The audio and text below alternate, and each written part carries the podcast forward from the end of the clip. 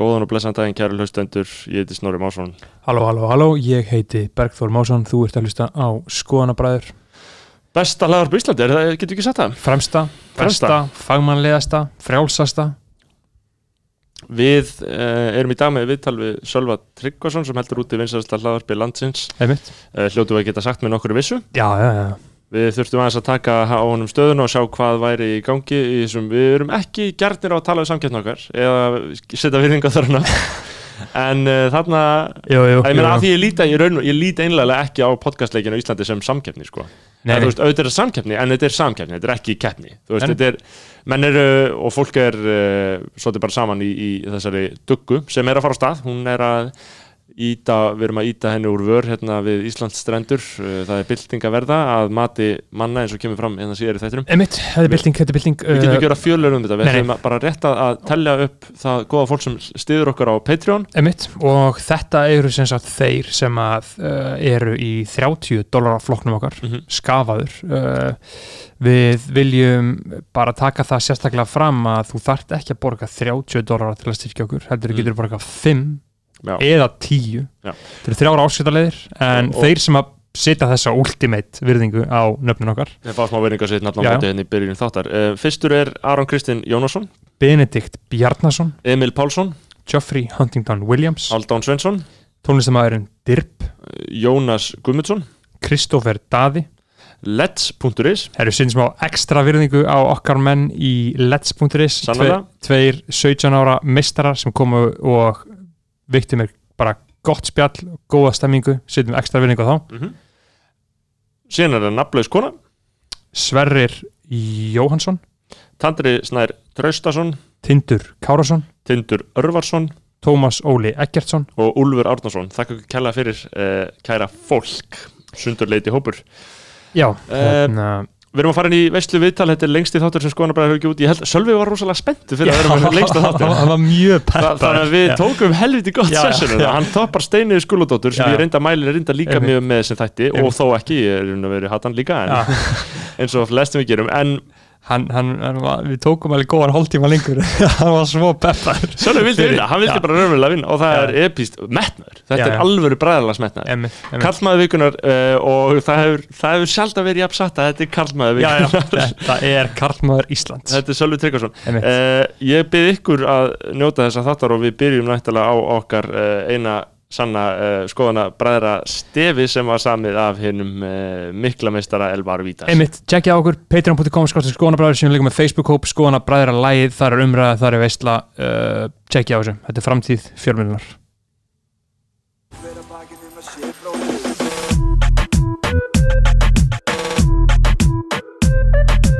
Fyrir hver að bakinn um að sé bróður eigi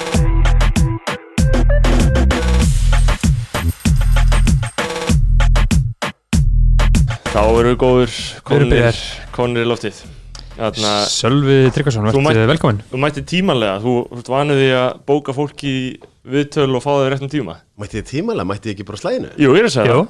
Já, Já, eða, þú veist mér fannst ég eiginlega mætti ekki tímalega, ég vil helst Ég var einu sinni þannig að ég mætti á seint á alla staði sem ég kom á En núna reyni ég að mæta alltaf tíu myndum undan. Já, einmitt, það er náttúrulega gæðug filosófía sko, en þú veist, það er náttúrulega eins og það ekki kannski sjálfur þá að maður einmitt, þegar maður reyna að fá fólki viðtölu á einhverjum ákveðum tíma þá, þú veist, sérstaklega svona fólk sem er mikilvægt jafnvel, þú veist, þá gerist bara eitthvað með það, sko, maður bara gerir ráð fyrir að það kom ekki, sko, við erum einmitt við... við, Ég segja ykkur skemmtilegustu sögu varandi þetta sem að ég það. er með Fyrsta viðtalið til ég var að byrja podcastum mitt núna við Kára Stefansson mm, Og staðurinn sem ég tekið þetta upp á er læstur sem sagt, Þetta er á annar hæð og það er læst að dittna niðri klukkan 5 Ég var búin að bóka Kára klukkan 8 um kvöldið og ég ringi í hann upp úr sjö. Heyrðu, við erum bara von, já, ekkert mál og bara, þú veist.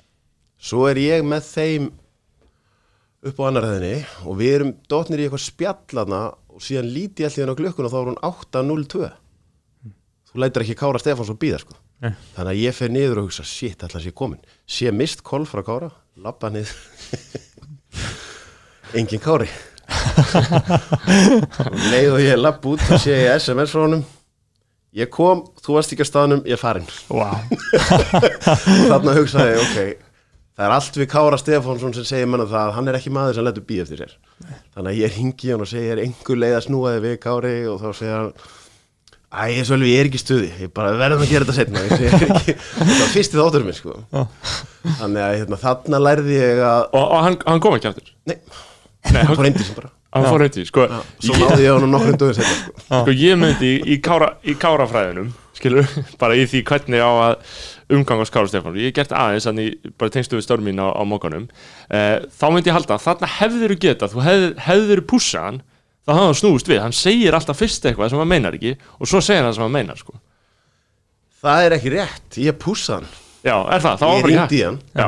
Og fyrst segir hann, hérna, ég get ekki komið ekki Segir, segir Kári Hérna, bara þetta er innilega og Hann segir, ég er þreyttur, ég er þreyttur Ég, mér langar bara heim. Og ég segi, hérna, ég þekki hann sko. Og ég segi, Kári, hérna Mér langar rosa mikið að fá þig Ég lofa þér því að það verður næs fyrir það að koma í viðtaldi minn Þú verður minna þreyttur þegar þú labbar í burt. Bara, ég veit að þú ert góðu gæi Sölvi, Ég veit að þú ert æðislegur en ég er þreyttur. Og ég gæti ekki snúa hann við. Nei, það, er allir sett. Og ég var með mikið hnút í maðunum að því ég hugsaði sko svona fyrir þetta podcast á stað sko. En það hefur farið um, ágætla á stað ég er ekki ágætlega, það hafi farið rosalega vel á stað já. Já, þarna Uh, hvað er komið marga þáttu? Hvað er þetta? 20 og hvað? uh, 20. annað þátturinn fór í loftið núna í morgun Já, 20 annar hvenær byrjaði þeir? fyrsti fór í loftið fyrir tveim mánuð fyrir Já. tveim mánu 22 þættir og tveim mánu það lítur að því að þá einn og nokkur daga fresti tveir á viku, tveir á viku Alltaf hvað, þriðu dag og fymtu dag hinga til já Já Mm. Og hvernig, hvernig vinnur þetta? Skilur þú? Er, ertu með þetta að vera langt, langt fram í tíman eða? sko pæl, ég er náttúrulega búin að vera bara í 120% vinnu Mhm. með 0 krónur í innkomu síðan ég byrjaði sem byttu fyrir hérna því að er gott að nota þetta spott þess að taka það fram í svo þakkláttu fyrir, ég gaf út bók fyrir einu og hálfu áru og hún er búin að ganga það vel búin að fá að halda það mikið að fyrirlesturum að tekjurnar af því gera mig kleift þú veist, þegar maður er að fröngu öll og þá áttar maður sig á því að stundum þarf maður að vera tekjulegs í ákveðin tím og maður fær verðlaunin setna sko. Akkurat. Eins og þegar ég gerði bíómyndunum fótballtalansliðið og fleira. Uh, þannig að ég ákvað bara ég fer all-in í þetta alveg sama þó ég sé þú veist, ég ætla ekki að byrja á að reyna að ná í styrtar aðalega eða eitthvað svolítið, ég bara byrja á að gera þetta sínu öllum þetta verði gott og þá munu koma tekjur sko, hvernig svo sem ég fer að því. Þannig að í raun og veru bara byrjaði að vinna þetta þannig að ég bara setti hausun undir mig og bara hvað ég geti gert til að búa til stærsta podcast á Íslandi á stuttum tíma og ég, einhvern veginn, það kemur mér á óvart hvað það er búið að gerast hratt sko Hver, hver eru fyrirmyndinar? í, Í bara podcast, þú veist hvað þú að hlusta sko, á? ég hlusta utan ros skoðanabröður Já, utan, já, ég byrjaði, ég byrjaði, ég var að því, hérna, ég er nú búin að vera í fjórum löndum eftir að COVID-faraldurinn byrjaði, mjög Mhm. pólitíst órétt, en hérna fór og heimsótti, sýstum mín býr í París og ég fór og heimsótti hann í mars Mhm. Og í þeirri ferð fór ég til London og þá er ég í þeirra fyrsti, hérna, fyrsta bylgjan kemur og svo er ég aftur að heimsækja hana núna þegar önnu bylgjan kemur og þá fer ég til Budapest og þá, þar byrjaði ég svolítið að hlusta á ykkur, sko. ok, ok Já, já, Já, ok, ekki, hvað, hvað Ég hlusta á, ég hlusta á hérna þegar þið voru með hann hérna, hann, hann hafði nú haft samband við mig vildi spjallaði með þessum daginn, hérna Pétur, Pétur Kieran. Bjöði Kjæran? Já. Einmitt Hlusta á okkur spjallaði hann og Birgittu, Aha. Birgittu líf og þetta, þetta eru grunnfættir sko. ég, já, ég veit, ég, ég, ég geri það yfirleitt þegar ég byrja podcastum, þá rúla ég í gegnum katalógin og skoða hvað, langa, hvað er langum mest að byrja, sko. ef, ef þú verður að kynna hlaðvarpið þitt fyrir einhverjum núna uh, þetta er náttúrulega legendir þrý kallmenn með hlaðvarp að tala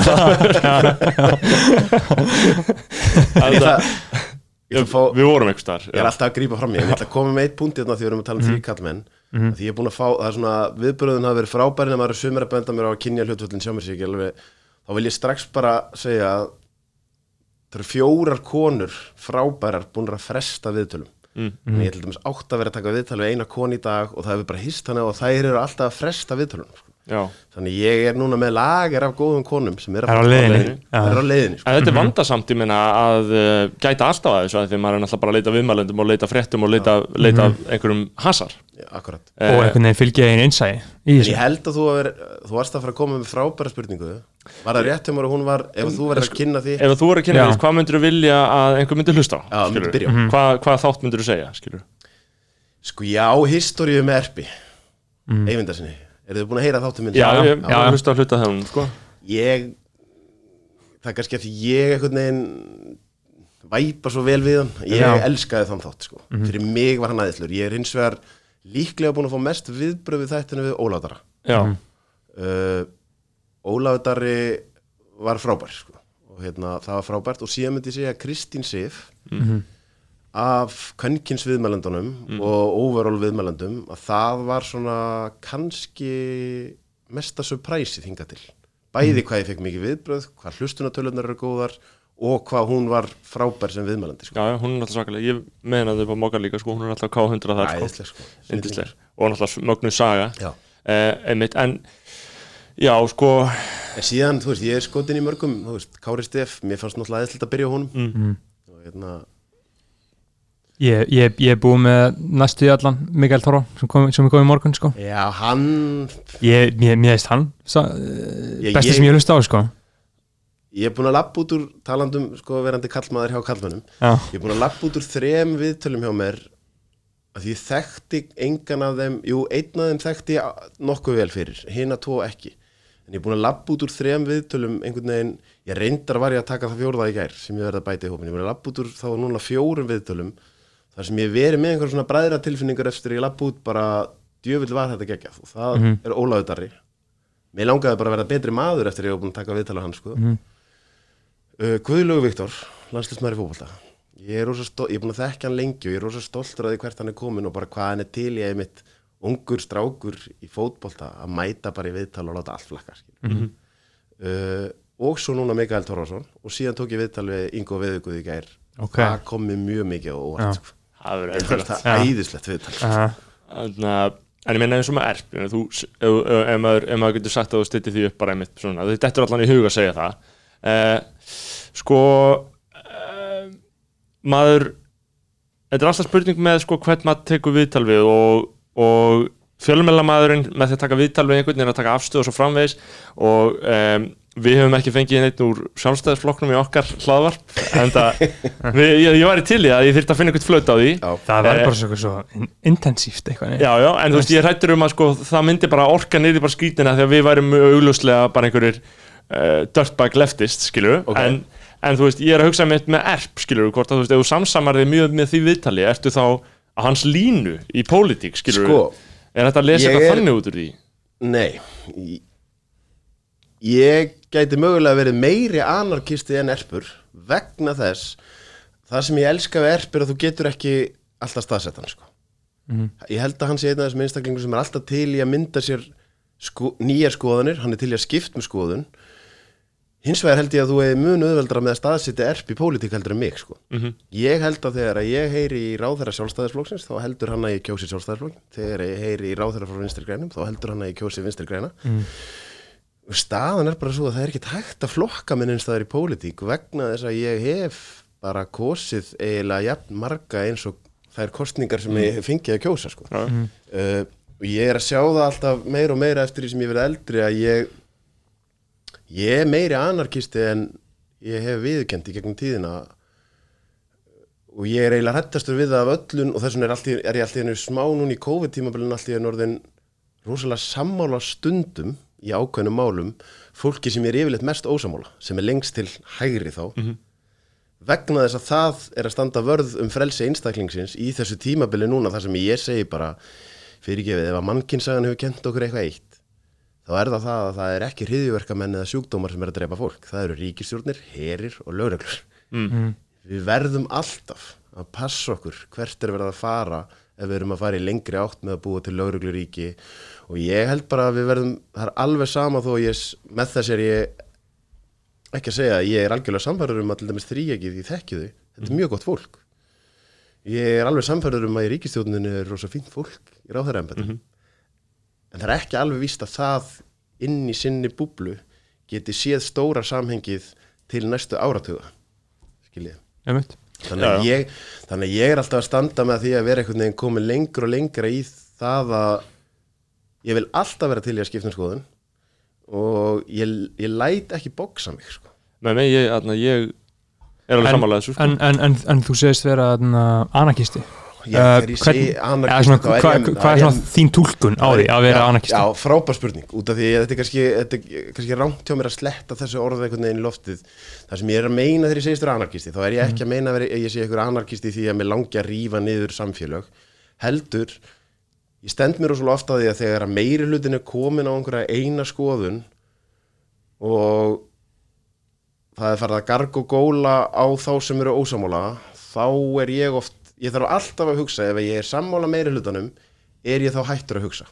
Já, skiljið, vilt hugsa alltaf sjálfstætt? Alltaf sjálfstætt En þú hefur náttúrulega uh, þú hefur náttúrulega tekið viðtölu við marga stjórnmálumenn og pólitíkus Hva, hvað finnst þér um þetta fólk? Hvað finnst þér um þessa stjætt? Hvað finnst þér að einkenna þetta fólk sem að vill sem sagt stjórna öðrum? Já, sko ég ætla, ég ætla fyrst bara örstuð að svara spurningunni sem ég glemt að svara á Já, hva- hvað er það? með podcasti Já, Já, Ég hlusta mikið á Joe Rogan. Uh að því mér finnst hann vera hann leipir alls konar fólki á borðinu. Hann er stundum stimplaður sem hægri kall Já, en já. samt er hann í raun og veru hann er Bernie Bro vinst, sko. vinstri kall sko, Já. skiljið. Þannig að og mér finnst hann bara vel gefin Já, hann er bara eins og eins og Kári Stefánsson sagði það er erfitt að vera ríkur sósialisti Já, sko og hérna, ég þannig að ég lítu en, en ég náttúrulega er af gamla skólanum í fjölmiðlum löngu áður en podcast kom og mínu menn voru alltaf Mike Wallace og Larry King. Mm. Mike Wallace í 60 mínútum Mhm. og Larry King. Og það eru til sko fyrir ykkur, einmitt sem svona unga fjölmiðla, það er- eru til viðtöl það sem, það eru til í báðar áttinnar, ég held sér til viðtöl það sem að Mike Wallace er að taka viðtöl við Larry King og það sem Larry King er að taka viðtöl við Mike Wallace. Og það er, og ég las æfisugu þeirra begja og þeir annar þeirra, að því Jóhannes Káer er sennilega minn besti vinur úr fjölmiðlageiranum. Hérna, og við höfum alltaf verið bara mjög góði vinir.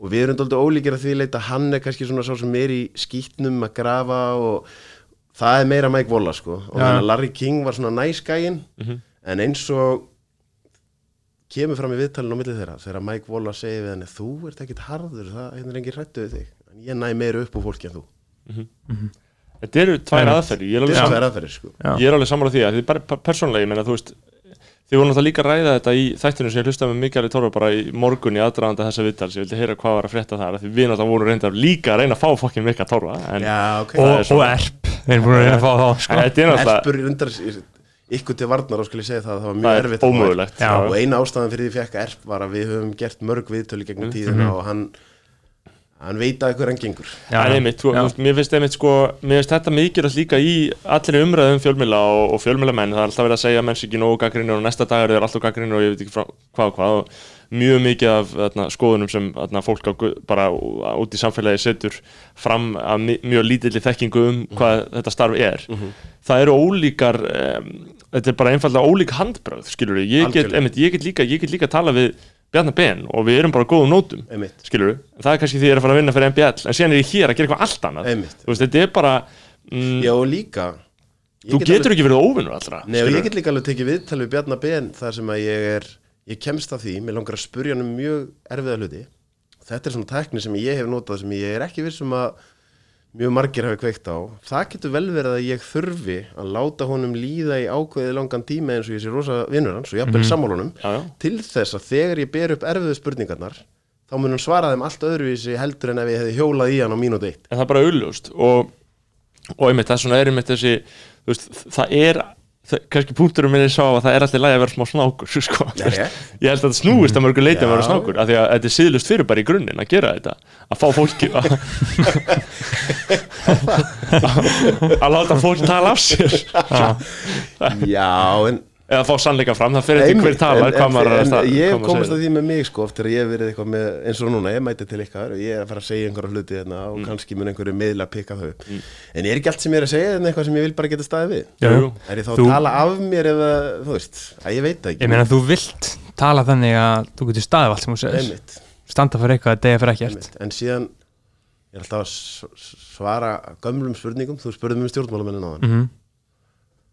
sko, hvernig fólk þetta er og svona. já, ég hef séð svo margar sem fara inn í stjórnmál og svo sé að þeir eru orðinni gjör breyttir eftir nokkur ár. Ekki að því þeir sé alltaf orðinni slæma manneskjur heldur bara eins og Óli Stef saði viðtalið við mig Mhm. núna um daginn. Ég hló mikið þegar hann var að tala um þetta. Sko, er engin að sjá rugglið í því að þú lappir inn í eitthvað umhverf og þú þarfst að vera hnakk rífast við samstarfsfélagin allan daginn og svo getur ekki einu sinni fengið frí frá þeim svo þarftu bara að mæta þeim aftur daginn eftir. Já. þetta er bara rosalega leiðilegt vinnu umhverfi og auðvita ef þú ert ekki sko þeimun öflugri í að gera eitthvað allt annað fyrir utan vinnu allan tíman þá auðvita munið þetta hafa áhrif á þig. Og gera þig aðeins þurrari gera þig aðeins leiðilegri gera þig aðeins neikvæðari.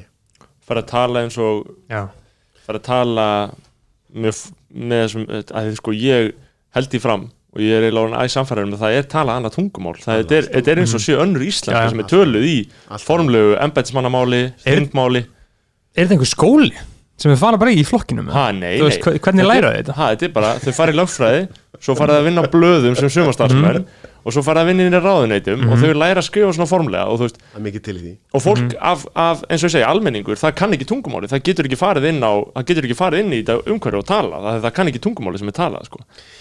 Já, líka bara ég er svolítið komið með, þú veist, og þá segi ég aftur núna, Katrín Jakobsdóttir, ég þekki hana, vel, búin að þekki hana lengi, ég var, ég var á fyrsta ári í MS þegar hún var á síðasta ári og hún var hérna formaði nefndafélagsins, þannig að ég þekkti hana þá en hún þekkti mig ekki, en síðan tók ég mörg viðtöluð henni gegnum tíðina og, og ég fekk, þannig að ég hugsa þegar þátturinn minn byrjar, ok, það er eitthvað smá statement að fyrstu tveir viðmælundinu mínu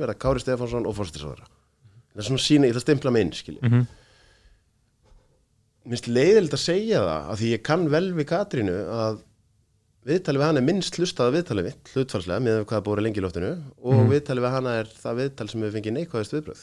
Það er ekki að því fólk er á móti Katrínu, það er að því það er bara búið að fá nóga þetta, Þannig að ég held að það, og hvernig á þetta ekki að hafa smá áhrif á þig sem karakter, eins og hún sagði sjálf í viðtalinu, það er stundum þægilegt að vera bara með fórsetisráð þeirra grímuna, þannig að gaggrinin sem kemur á fórsetisráð þegar hann fer ekki inn í Katrínu, skilur, út af því að, og Mikki mitt sagði þetta svolítið í viðtalinu mig, fólk var reitt út í djefaf stopnunina en ekki Mikael Torfarsson, fólk var reitt út í hönn, skíturinn sem Hanna Birna var að taka sem dómsmólaráð þegar áslögarna er að fara að taka sama skít núna. Já, já. en á meðan þú ert í embættinu þá er rosalega erfitt að taka þetta ekki persónulega eins og þetta sé áras á þig. Mm. þannig að ég verð alltaf meira og meira frákvörur því að láta mig detta það í hug að fara að vera stjórnmálmaður sko. Já, trú því. Já, já, en, en, en, en það er hugsun. Þú hugsar, hugsar þá hugsun en það hugsaru, ég geti farið í stjórnmál. Mm, sko þegar ég var yngri þá foreldrar mínir hafa rosalega oft sagt við mig þú ættir að enda í stjórnmálum. Af því ég held að þeim finnist ég sko vera fyrir eitthvað viðsýtin og allt þetta. Og ég held þó ég segi sjálfur frá að þá held ég að ég væri alveg fýtt maður til að koma inn í stjórnmál en ég bara hugsa er, ég, ég, ég, gæti þurft 20 ári viðbútt af lífsreynslu og þó nú komið talsvört mikið af henni í mig til þess að geta staðið nógu föstum fótum þarna til þess að geta sagt, herru ég kom svona fólkinu inn eitt kjörtímabil ég er að fara að mæta hérna okkur þingflóksfund þið eru bara ekki að fara að búlja mig til að fara gegn minni eigin samfæringu já þá gerum við þetta, já þá gerir þið það. Þá verður drullaði við mig, að mér er alveg sama. Ég er ekki kosin hérna af ég kosin hérna af fólkinu í landinu og ég verð bara að vera trúr minni samfæringu auðvitað veit ég að síðan ganga stjórnmálut og málamiðlanir. Eina sem ég bið um frá stjórnmálamennum er að þeir séu eðalegir og ég verð mjög ánaður þegar ég er rosalega ósammála einhverjum vegna þess að þá veit ég að hann er að tala heiðalega af því það er ekki hægt að vera rosalega ósammála einhverjum sem ætlar alltaf að vera vinur allra. Mm. ég mitt velti fyrir mér þessu líka sko með að hvenær fólk hlustar á uh, sko það, það finnur svo rosalega hvað þetta falst það finnur, finnur að, að þetta, þetta eru fólkur umhverfið eins og þú, þú segir með, með Katrinu og hvernig fólk nálgast hann þáttum við höfum líka fengið Katrinu og það er heldur ekkert mjög ofalega í spilina því að fólk er mitt bara, þetta er stjórnmálmaður síðan höfum við fengið Guðna og við höfum fengið Agnesi Biskup og ég fekk bara meira þess að aðtóðasemt bara þegar við vorum búin að taka nokkrar tókum nokkrar eitthvað svona random bara embættismanna kanónur. Já, já, bara, e, við vorum einhverju stuði og þá kemur bara, nenni hætti þessu. Við langar að heyra alveg Já. hluti. einmitt. Ég bara, ég fekk að hlusta bara, ekki, hæ- hætti þessu og tali bara við fólk á göttunni sem er að segja skoðanir sínar. Að þið hefur með ómikið völd eins og þau bara í bara eins, það er svo eins að vera mikið í það, valdastöðu sem hættir að vera já. í. þú ert ekki að fara að segja neitt. Nei, nei, það er Þú ert ekki að fara- að fara að taka neina sjensa það er svoleið sko og hérna en á móti kemur þá og það er eitthvað sem ég mitt var mjög sammála þegar ég heyrði þetta hjá Joe Rogan þegar hann, hann, hann fekk Bernie Sanders í viðtal Mhm. Og hann er að taka viðtal við einhvern annan sem er að spurja hann út í viðtal hans við Bernie Sanders. Og hann segir hvað með Joe Biden og alla hinn eru þeir? Jú, jú, allir búin að söðum að fá að komingað og hvað, akkur er þetta ekki búin að taka þá? Því ég nenni ekki að tala með þá. Já. ég nenni að tala við Bernie. Mm. já, akkur nennir að tala við Bernie? Vegna þess að mér líður eins og hann sé gæi sem að tala við mig eins og ég sé við eldursporðið heima á mér. Ég býð ekki fólki viðtal sem talar eitthvað þar sem ef ég veri heima hjá mér að vera að fá þetta fólki í matabóð þá myndi ég þurfa að segja eftir korter heyrðu, ég þurfa að vísa þér út eða þú heldur áfram að tala svona. Já, já, já þannig að djúvel það er sjúkt ef Joe Rogan fengi Trump, ég er að hugsa það núna sko. það er þetta besta Já. podcast já, heimsins í dag Já. ef að, ef að Donald Trump myndi mæta til Joe Rogan Já. þá var ég að fara að hætta öllu sem ég er að fara að gera til þess að horfa á þá um leiðum það færi lofti sko.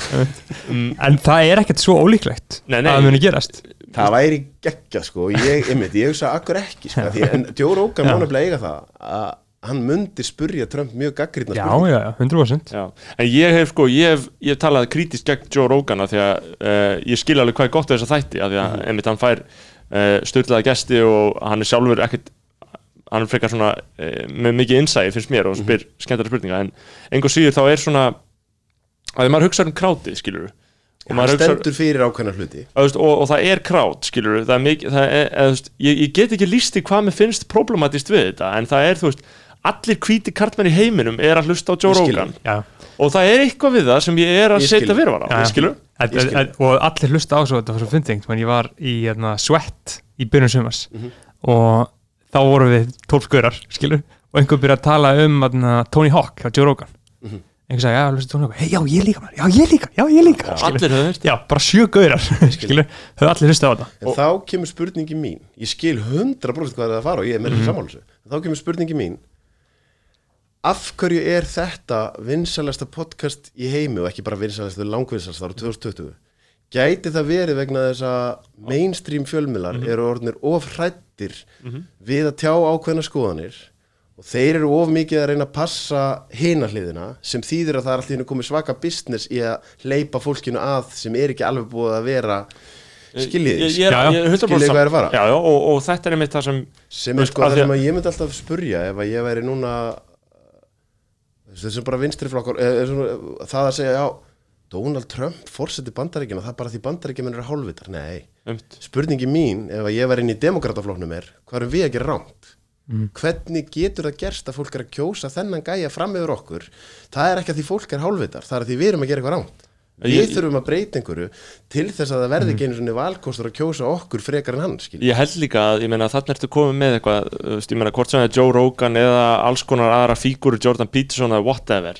Eh, þú veist það er alltaf spurning um hvort er vandamálið. Er það fígúran eða krátið Já. eða, eða fígúran eða rosalega frjói jarðvegurinn sem hún greinilega á? Eins og Joe Rogan.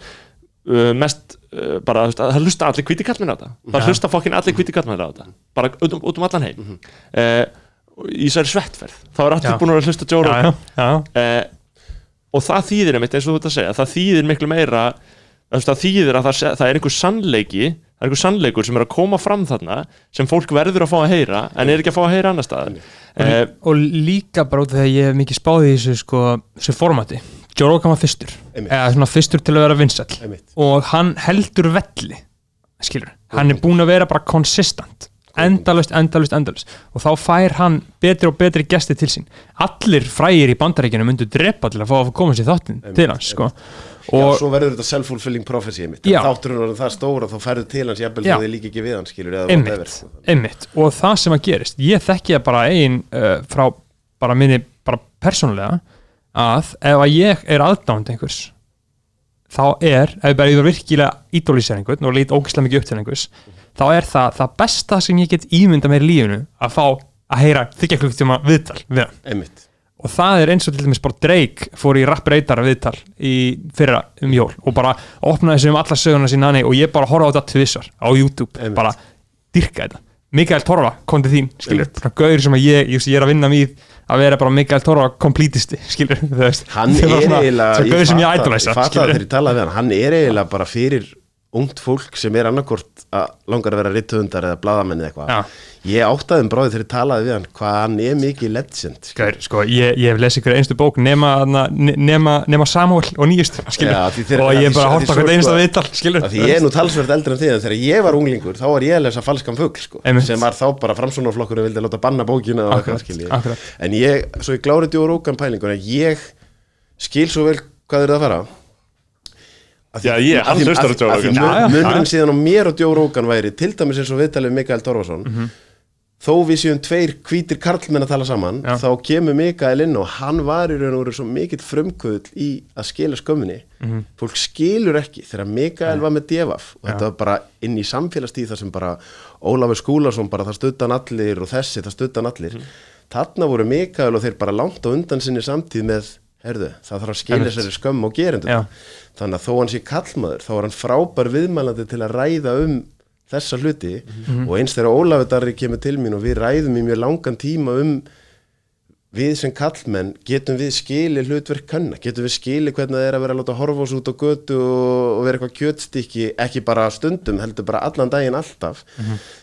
Ég er ekki vissum að Joe Rogan væri hrifin í því að hafa svona samtölinn í sínu podcasti og það kemur munurinn á mér og honum ég skil nefnilega alveg að hann er smá svona og ég vil alveg vera þannig að ég kannski það er einhver sem segir að bara allt og margir kallmenn svo allt í hennu kemur bara einhver kona til mín og þá sér fólk hérðu vó, Sölvi er alltaf öðruvísin í held skilur Mhm. af því mér, finn- ég vil aldrei að sé hægt að boksa mig og maður getur aðeins boksað Rogan Já, maður Já, getur, já, já. sérstaklega einmitt, maður getur bóksað Joe Rogan og ekki endilega þig einmitt núna, nú er þetta bara eins og, eins og þetta blasir við en bara mm, viðtal, skilur, það kemur alls konar fólk. Það er ekkert eitt fast, skilur, við erum með meira þess að struktúrera dæmi en þetta, skilur þú bara tekur hvert sem er viðtal eða þarna, ef hann, ef hann hefur eitthvað að segja. En um, að því ég vil geta skipt um skoðun. Segjum sem svo að ég væri eitthvað na, já, já, ég finnst, þú veist feministarnir vera komnur á langt, svo fæ ég feministar sem sest fyrir fram að mig, ég vil vera opinn fyrir því að henni takist að fá mig til að skipta um skoðun og meðan ég er að tala með hennar, mm skiljið en blasir það við þér til dæmis að eins og, eins og, eins og Beggi var að segja, Joe Rogan hefur haldið vellega, en bara haldið áfram að framlega, skilur Já. eh, færið þú ekkert, oh my shit, ég þarf að halda áfram að gera þetta skilur þú veist, maður er komin að stað með eitthvað og þú veist, það, það, þú er að, frábær pæling sko þetta er, þetta sko, er að ákveð ég, ég held að þeir sem er að vinna þetta með mér skilji nefnilega ekki alveg uh, að ég er ekki velmenni sko Mhm. Veist, það er bara tveir þættir í viku, bara farið þrjá þetta viku þetta er fucking vinna Já. Mjög mikil sko Hverjir eru að vinna þetta með þér og hvað eru þeir að gera? Ég er að vinna þetta hérna, það er einn af mínum bestu vinum er svona búin að vera hægri höndin mín í þessu alveg frá því við fengum hugmyndina og hann er svona sem ég til dæmis, hann, hann er búin að eiga hugmyndir að nokkrum viðmælandum og hann er búin að hjálpa mig við til dæmis þegar ég fæ Ólafdari viðtala þá bendir hann mér á, ég held að það sé rétt fyrir það að spurja hann út í kvíða vegna þess að ég vissi ekki að Ólafdari hefði Mm. opnað sig um það skilja Já, já. og Já. þannig að hann, hann er að hjálpa mig sem svona hálfgerður kórítstjóri og síðan er ég að vinna þetta með strákum sem er að reyka hérna Kiwi, lítið hérna markasfyrirtæki og þeir eru svolítið að sjá um production hliðina og svo ætlum við saman að fara í að skoða bara tekju hliðina sko, það er svona að gerast þessa dagana sko, Við erum alltaf með laust fyrir því á tekjuleginni sem er áskrift. Já, Já, Pat einmitt, Patreon. Við viljum fá þig þangað inn. Já, ég fatt, já, þið viljið það, já. Að því að uh, við þetta reykum okkur þátt inn á Patreon. Mhm. Uh, sem að er eins og þú og Mikael voru að tala um í morgun hver er framtíð fjölmiðlunar? Hver er lausn á þessu? Einmitt. og ég var alltaf í að hugsa bara, ég lausnina skilu, Þú veist, ég bara væri til að vera með ykkur og bara útskýra fyrir ykkur lausnina, af því að ég veit lausnina. Ok, hver er hún? lausnin er uh, Patreon, ekki endilega Patreon, bandaríska stórfyrirtæki Nei, Patreon, nei, skilji heldur þessi þessi tegund af áskrift. Þar, þar sem að þú borgar beint til þeirra sem að skapa efni sem þú innbyrðir. Já. og málið er, við erum með áskrift þú getur borgað 5, 10 eða 30 dólara Eh, En eini gallin við það er ég, ég, sé, ég sá hérna fyrirsögn hjá okkur þegar við varum að tala um okkur pipasvina já, og ég sé að það er vitnað í mig. Svo byrjaði að hlusta mm þáttinn. Já. Ég fæ ekki að heyra það sem þeir eru að segja um mig af því að hann klárast bara. Þess að það koma Patreon. Það voru já, en býtu, en, en, en ef ég ætla nú ekki á Patreon já, en ég hefði fengið að klára þáttinn og hlusta á mig og ég hefði síðan auglýst þáttinn ykkar af því að ég kláraði að hlusta á. Einmitt. ég verða hei, þú veist, það er dag Það er ekki- þú ert ekki búin að finna lúppóli þetta er ekki lúppóli en ég er sammáleikur út af því að ég hef oft tekið bara Jóhannes Káur vinn minn sem dæmi. Já, ef að hann myndi gera eitthvað díl við íslensku þjóðina bara heyrðu, ég kem með þetta átbút á ári sem er bara hérna, þú veist svona margir fréttaskýringa þættir, blaðagreinar ein bók eða eitthvað. Já. hversu mikill haugur í Íslendingu verið til að segja ok, 990 kallar mánuði, ég stiði Jóhannes einmitt. Akkur fer hann ekki að Patreon að gera það? Það er frábæður sem ég hugsa, Já. segja hann og drullar sem Og- Patreon Hann væri komið já, 300 skalla já, mánuði eftir einn og ég ætla, ætla hérna bara að ringi í hann og eftir og segja hann að gera þetta. út af því að- að það sem ég var að segja sko með Patreonið munurinn á þessu og öllu öðru er og af hverju við viljum fá þig og fá Snorra Björs og fá Hæ Hæ og fá ég all, ætlaði um að spyrja, hvað græði þið og ég færa það uh, þá erum við komið með samþáttunarkerfi skilur Já. Facebook væri ekki neitt ef það væri ekki allir inn á því Rétt, skilur rétt. og um leiðu að koma fleiri inn á Instagram þá verður auðveldar fyrir alla að vera þar er hægt að kaupa svona einhverja pakka og eitthvað svoleiðis eða? það væri örgulega hægt sko, ég veit það ekki en, Já, en til dæmis eins og það keft, skilur áskrift af báðum okkur Já. skilurðu. Já. eins og Það það, það er enda mjög góð hugmynd ég, ég nota Patreon appið skilju, og ég er bara áskrifandi hérna slökk á öllum podcastum á Ísland og morgun þú bara eða Já. bara að hlusta á þetta þá þarfst að kaupa áskrift við, Já, bara, við unionizum bara Já. þetta er það sem heitir unionization Já. að, að, sa- Já. að sammælast um þetta er bara það sem íslenski fjölmennir hefði þetta að gera fyrir 15 árum Já. en vegna sjúkra markaðslegum var það ekki gert Einmitt. og verður ekki ennþá gert um sinn Einmitt. að segja allir fjölmennir frá, frá með þetta að kosta. En, en sko, en að- aðal munurinn á þessu er að fólk getur þá borgað það sem það vill það er eitthvað að lámarskjald Einmitt, einmitt. og síðan má einhver að vill gefa okkur 100 dólar á það mánu er sko. mjög góð punktur sko og, og aðal punkturinn í þessu er líka uh, annað en til með Spotify sem er bara uh, tæknifyrirtæki mm. risastórt sæns, sæns tæknifyrirtæki þú borgar þar 10 dólar á mánuði það fer í sammeiljan sjóð segjum sem svo að ég hlusti bara á GTRN ég hlusta einungis á hana. Þá fara mín 10 dólar ekki til hennar sko. það. Það er bara ekki séns. Þá er- fer kannski einn mögulega einn dólari þetta er til og hennar. samgætna kerfi en ég vil En ég vil samt bæta við þetta að þú veist, það verður samt líka verið til fjölmjölun sem er ekki svona mikil eftirspurn með eft- sem er ekki svo mikil eftirspurn eftir að fólk sér tilbúið að borga það Við erum með rúf fyrir það. En hvað hérna eins og bara ykkar mótel þið slökkvið á þáttunum á ákveðin tímabúndi fyrir þá sem er ekki áskrifandur ekki Já, en Eða- e ekki, ekki þessi þáttur til dæmis sem við gerum núna ba bara, an, bara, bara sko annarkvæð þriðudag þá kemur svo kallar bræðarlagsþáttur Ok. út og þá er þá, já, þá fá bara já, og þú lustar hann allan inn á Patreon er það að gefa þeim sem er inn á Patreon eitthvað meira en það Já, og núna í september erum við að byrja að gera eitt þátt í viku þar já, ok. Þannig að við gerum eitt þátt í viku þar það sem er bara við tveir, bara tala um málumni líðandi stundar, bara hvað sem er. Og síðan er eitt þáttur alla fösta sem að er uh, einhver viðmælandi eins og þú, og eru þið komnir í að hérna, ná að fá sæmilu upp úr þessu móteliða við sjáum fram á það. Það er sko, þetta er þetta byrjar alls ekki illa þetta er, veist, eins og við erum með 240 patrons ok, Já, það er flott. þannig Já. að það er, ég meina, þú getur örgulega fengið einhver, það tekur tíma. Ég veit það, Já. 1, 2, 3 þúsund og það, það er líka leiðir þetta takmarka aðgengi hund, það er málið sko. Já. það er það sem ég er að hugsa með, með, með mitt. Ég, hugsa, ég myndi alltaf vilja einhvern veginn ég er alveg klárlega búin að pæli þessu með að gera áskriftamódel en þá myndi ég helst vilja hafa þannig að það sem áskrifundinu mínu myndi fá væri bara addon á auka, það sem ég er núna það, er, það er okkar stefn þannig að því ég vil gjarnan þegar ég komi með svona háa tölur Já. þá Já. vil ég gjarnan leifa því áfram að vera eins og það er. Einmitt, Þú ert ekki að gefa upp tölunar eða eitthvað? Einhver 10 eh, 10 til 20 þúsund, 30 þúsund? Er á maður að vera að halda því fyrir sig eða eitthvað? Ég veit ekki, við gerum svona svona semi, sko. við segjum svona bæði Já. Be- ég get sagt bara því ég er náttúrulega líka kannski ég sá eini í podcastinu á Íslandi sem er að fá svolítið stóra tölur á á YouTube, YouTube líka. Já, þannig að þú veist eins og Kári Stefánsson hann er ennþá að ef ég tek saman YouTube pluss hérna hlustanirnar þá er þetta að fara að nálgast 50.000 Já, vá. Og hérna, sem er, ég veit Já. að mjög mikið sko, og hérna þar sem ég er líka svo glaði með að því ég er með bakendatölunar að meðal hlustandi er að haldast í 40 eitthvað mínútur held ég. Einmitt. þannig að uh, það er bara rosa gleðilegt Mhm. sko, að hérna, meðal áhörfand á YouTube er í hálftíma sem er í nútímanum að halda manneski það er svo það bíó. rosalega mikið. Það er svo þáttur og bíó. Það er bara einhver önnur Einmitt. neysla sko. Ég, horf aldrei á YouTube. ég get ekkert sagt neitt annað en ég er bara rosalega þakklótur fyrir þessi viðbröð sem ég fengi að því ég, ég, ég þetta er svolítið eins og ég er búin að fá þrjár svona stórar hugmyndir á síðustu árum sem að hafa verið aldrei lengi að meldast áður að veruleika. Hafa bíómyndin um fótballaransliðið og svo bókin sem ég skrifaði fyrir einu og hálfu ári síðan og síðan þetta podcast þannig að þessi hugmynd að þessu podcasti er alveg búin að vera í maganum á mér í tvö ár þannig að þegar ég leggja stað þá er ég bara að leggja stað full force og ég ætla að gera þetta bara en ég átti samt ynga með vona á þú veist, ég skrifaði með markmið í júni ég þátturum fór í loftið eitthvað 11. 12. júni og ég sagði ég ætla að vera hvað var það, ég sagði ég ætla að vera komið með allavega 10.000 download áður en júni klárast. Mhm.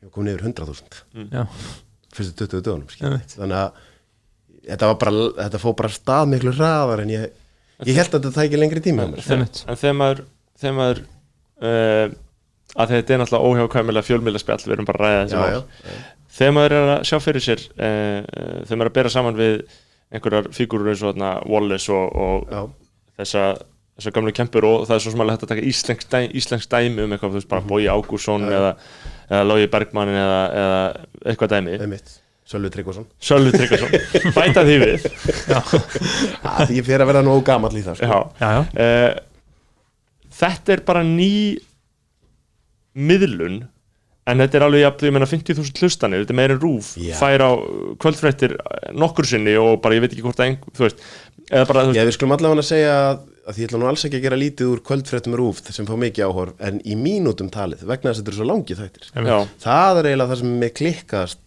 Ég get alveg náða einhverjum 50.000 einstaklingum sem ít á play en ef ég er að halda hverjum og einu þeir í 30-40 mínútur þá er þetta bara orðið aldrei stór einmitt efni. Uh, en, en ég er að segja, skilur, er þetta þá ekki bara orðið, skilur ný tegund af uh, vinsalasta sjómarstættinum sem er alltaf á besta tíma dagsins, skilur algjörlega. Og það er svona myndi ég segja sko fyrir ykkar hönd.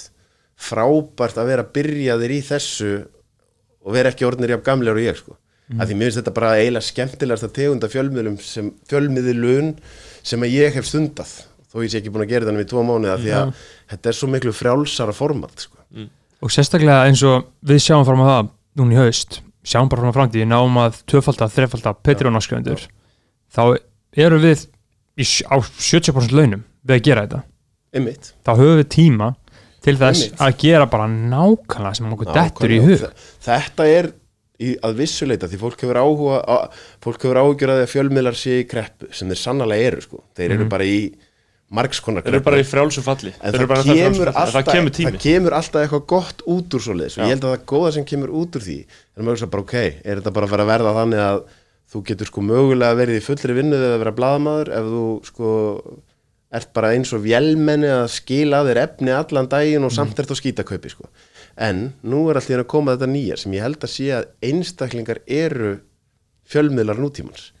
Já, ég fýlir þess að stráka, ég er jafnvel kunningi ykkar, ég til í að henda 790 kall eða 990 kall á ykkur, og ég er alltaf til í að gera það við fjölmiðlamenn sem að ég tristi og ég tek oft bara hann sem dæma því hann er vinur minn, Jóhannes Káar það hvort að hann er á rúf eða stöð 2 eða eitthvað, nei bara ég vil Jóhannes Káar Einmitt. og ég held að nýja mótelið sé í staðin fyrir að við séum að borga áskriftina til yfirbyggingarinnar þá erum við að borga áskriftina til einstaklingsins af því að við erum alltaf að koma með miklu einfaldari leið til að miðla efninu þannig að við þurfum ekki yfirbygginguna sko. þetta er málið, Algjörlega, sko, sko. þetta gerist allt samferða sko ger byltingu á framleiðsluháttum þú veist, Einmitt. yfirbyggingin, þú veist, ég get líka þú, veist, þú framleiðir vídeo þú veist, að en að taka upp þessu vídeo er ekki bara með eitthvað fucking gamla síma hangandi á okkur tæki ekki alveg, reyndar, reyndar get ég sagt sko, að því að við lögðum svolítið í þetta með þá hugmynd, veist, við ætlum bara að við ætlum allavega eftir x langan tíma horfum við tilbaka og segjum ef þetta er ekki orðið vinsælt þá allavega lögðum við allt í þetta. Þannig að mitt podcast er kannski aðeins dýrara en það ætti að vera já. út af því að myndvinstan er svolítið dýr og margir myndu segja, já, bara 90% af fólki er að hlusta á þetta, akkur í fjandarnum að vera að þetta í mynd ég er að hugsa þetta svona inn á longrun sko. þetta er þetta er heimild að vinna líka Já, út af því líka, það er áhugaverður hlutur að gerast eins og með Spotify er ekki að kaupa Rogan á 100 miljónir af því að það er bara að vera í hljóða áfram sko. Nei, nei. Skiljiði.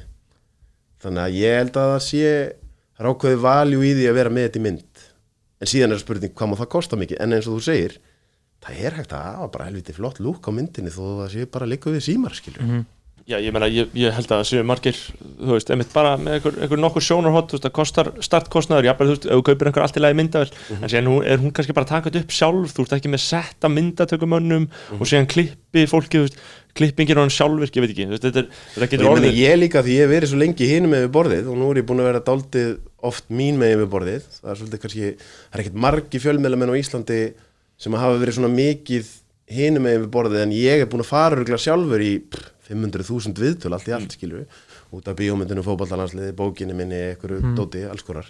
Og hérna ég heyri það bara þegar ég kemur til ykkar að ég er hérna, veist, þið eru að taka við mér núna betra viðtal heldur en meiri hlutan af viðtölum sem ég hef farið í hjá fréttablaðinu, DFF vegna þess að við höfum bara nægan tíma og þið eru frjálslegir þegar þið spyrja mig skilji, þannig að ég fatt að þetta þegar ég gaf bókina mín að prófa að vera hinum með við borðið besta viðtali sem að tekið við mig, ég fór held ég í 15 eða 20 viðtöl. Ég fór í forsið viðtal á fréttablaðinu. Uh, ég fekk heilan þátt í Íslandi í dag. Besta viðtali sem að tekið við mig var hjá Snorra Björns.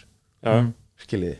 Þá fattaði ég bara besta viðtalið sem að tekið við mig og það viðtal sem að tveim árum setna sé ég er búið að skila mér mestu.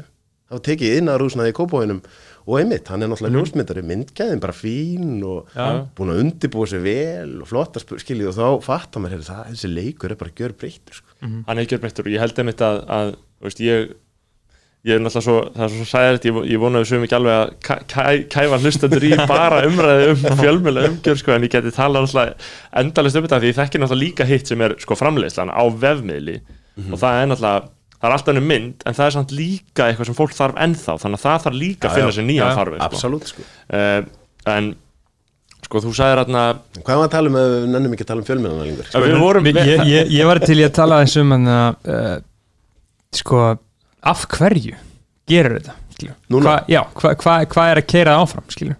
til, til hvers er þetta að gera þetta skilju, er þetta að blanda af einhverju missjóni er þetta einhver Já. hégómi, þú veist Sko, hvað hva er það? það er rosalega skrítið fyrir mig að orða það og ég, hérna, hafið þið eitthvað kíkt á bókinu sem ég gátt á eigin skinni Nei, en ég hlusta á viðtalið við Snorra Björns Já, ok. og en ég veit svona um hvað hún er ég held að ég hef farið í gegnum aðeins dýpri dali en flesti gerir sér grein fyrir. Þú veist, ég hef alveg farið þangað að ég bara já, þú veist, bróði minn hérna, þegar ég var fjögur ára þá dó bróði minn þegar hann var tíu ára. Og ég hef alveg svona á mínum allra vestu köplum þá var það bara það sem ég held í mig lífinu var pappi minn er ekki að fara að jarða annan strák sko.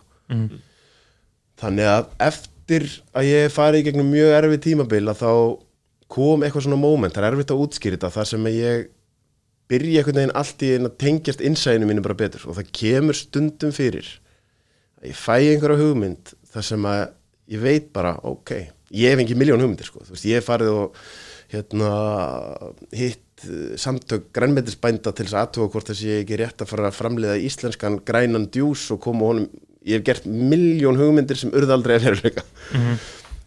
Kemur fyrir ég fæ hugmyndir þar sem ég veit bara þetta er það sem þú ert að fara að gera svolum minn þegar ég fekk hugmyndir um bíómyndir um fótballtarnarsliðið árið 2014 þá hafði ég aldrei gert neitt um íþróttir í fjölmjölum ég en þessi hugmynd kom til mín það stert að ég fattaði bara hér erum við on to something.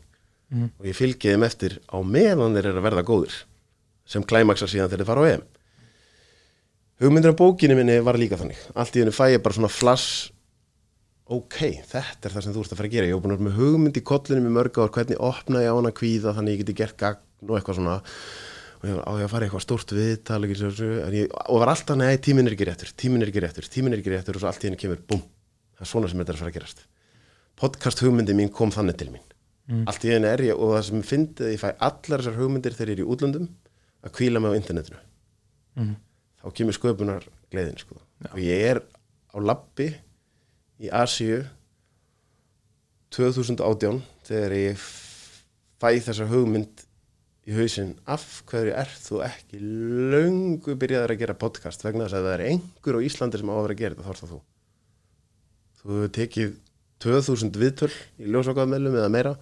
Þú ert hérna búin að gera ótrúlega mikið að lötum uh, gott tengslanett og þetta er eitthvað sem er rosa gaman að gera. Þannig ég get ekki orðað að yfir er alltaf eitthvað smá hekomi gaman að fá eitthvað, þú veist að Instagrami mitt er að stækka og eitthvað skiljiði ég held ég komið frá rosa góðum stað ég, og staðurinn er sá eins og núna ég hef ekki hugsað um það í eina sekundu.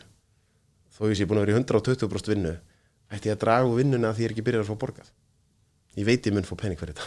Já, stundum fer ég inn í eitthvað og bara, það er erfitt að útskýra þetta á þess að þetta verði eitthvað svona vútu humbúk bull skiljiði bara er eitthvað í innsæðinu mínu sem veit að þarna er ég, þetta er rétt. Og ég er búin að fá skilabóð og þess að ég vilji vera þú veist, hljóma eitthvað ég er búin að fá skilabóð frá sérstaklega varandi unga kallmenn, bæði frá ungum kallmennum og mæðurum ungra kallmanna sem eru nánast búin að segja við mig að ég hafi verið að bjarga lífið þeirra sko.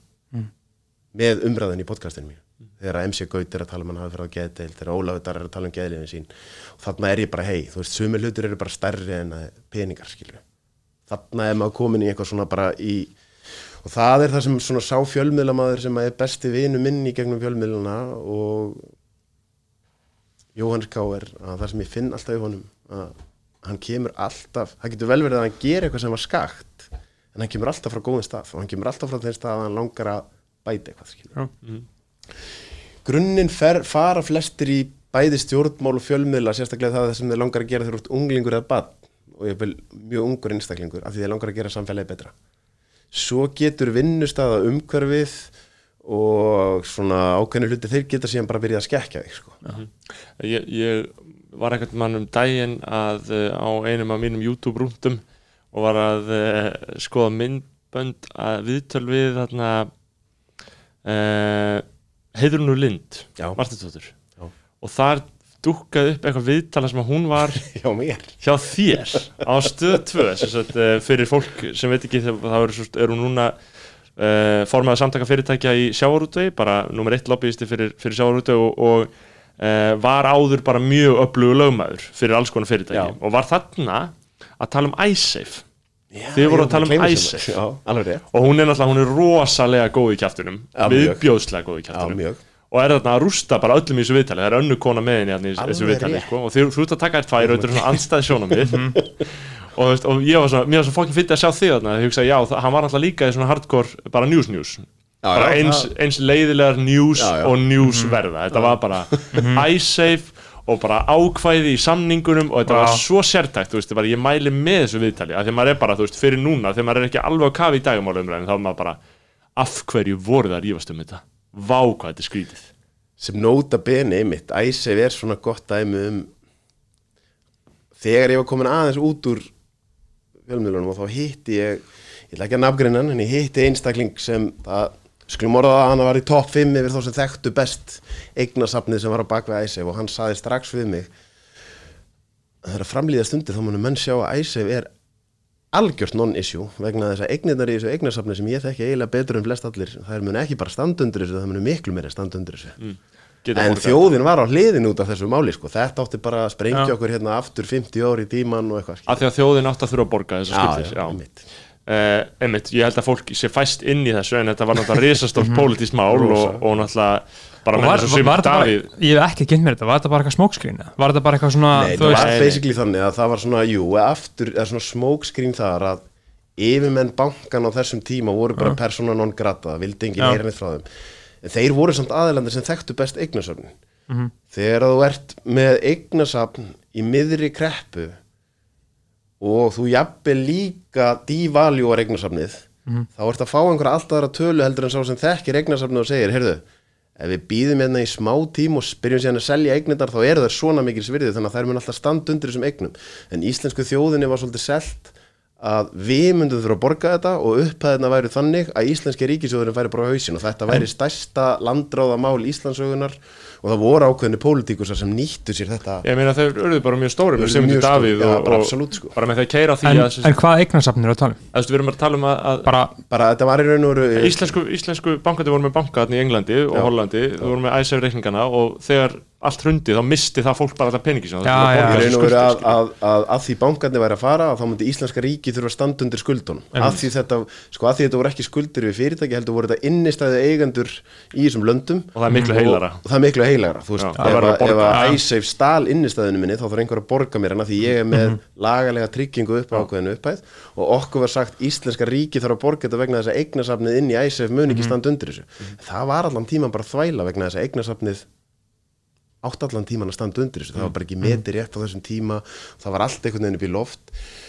Ég ætla ekki að fara að bera þessi mál saman en COVID já, mig, eina sem ég ætla að því það er engin eftirspurn eftir miljónustu skoðunin á COVID en ég sakna þess sáltið að við séum að horfa á stóru myndina sem er hvernig munum við horfa á COVID eftir 20 ár og, og hvað heldur þú? heldur heldur þú að við séum að bregðast of hart við í stæðan fyrir að leifa svo flakka? Eða heldur þú, sko, við skulum orða það þannig þannig erum aftur komin inn á eitthvað þar sem að það er bara mjög auðvelt ef að það myndi eitthvað gera frétt upp á þessu og ég segi eitthvað skoðin að þú ert bara gæði sem vill drepa fólk mm nei, alls ekki. Ég, Jóhannes Káar vinnu minn er að gera heimildamind um COVID og hann er búin að vera það verður alvöru stöf ég er búin að hitta hann á hverju minnstu upplýskafittin hann er alltaf Ja, bara, þú upplýskafittin veist, og líka Jóhannes er Jóhannes sko. hann er búin að ná myndefni kringum COVID sem að engin annar Einmitt. búin að vera nála því. Bara eitthvað og hann, og hann, það er nóg fyrir mig þegar ég hitti hann og hann sagði Sölvi, ég er búin að horfa á þetta gamla fólk þegar það er veikt. Ég er búin að horfa á fólk vera að missa ættinga sína. Þetta er fucking tough shit skilur Mhm. og ég segi já, ég vil bera virðingu fyrir því. En stóra, stóra spurningi mín núna er og þú kannski bara spyrða þess á blaðamannafundinu næst af því að Þórólfur er undir mjög miklum hita núna Stóra, stóra spurningi mín væri til Ölmu en ekki Þórólfs, af því Þórólfur ber ábyrð á smitsjúkdómum en Alma ber ábyrð á heilsu þjóðarnir eða ber ábyrð á, hún er landlæknir, hún er ekki bara smitsjúkdómulæknir. Getur hún verið samfærðum að aðgerðindar vegna COVID spari færri mannslíf en það muni kosta? Það er það eina sem ég segi. Geðsjúkdómar eru á leiðinu upp, fíknisjúkdómar eru á leiðinu upp. Ég er búin að vera að fá tilf- tilkynningar um sjálfsvík sem mætti segja séu óbeint tengt COVID. Verðum við ekki að skoða hvað munu þessar aðgerðir kosta mikinn heilsubrest og mikið af mannslífum og vega þá að meta. Það verður að vera hægt að taka þessa umræða á þess að þú ert bara gæi sem vil drepa fólk. Nei, ég held að allt skynnsamt fólk sjá að ég er ekki gæi sem vil drepa fólk. En ég, ég held samt að sko eins og þetta blasir við núna þá erum við náttúrulega að fara inn í um, ég held að í haust þá munum við vera með tiltölu að veiru frýtt samfélag bara úr því að við séum ekki, úr því að við erum ekki með um, Ein önnur, góð, Ferðamennina. ein önnur góð spurning fyrir það því þú segir veru fritt samfélag. Ég er búin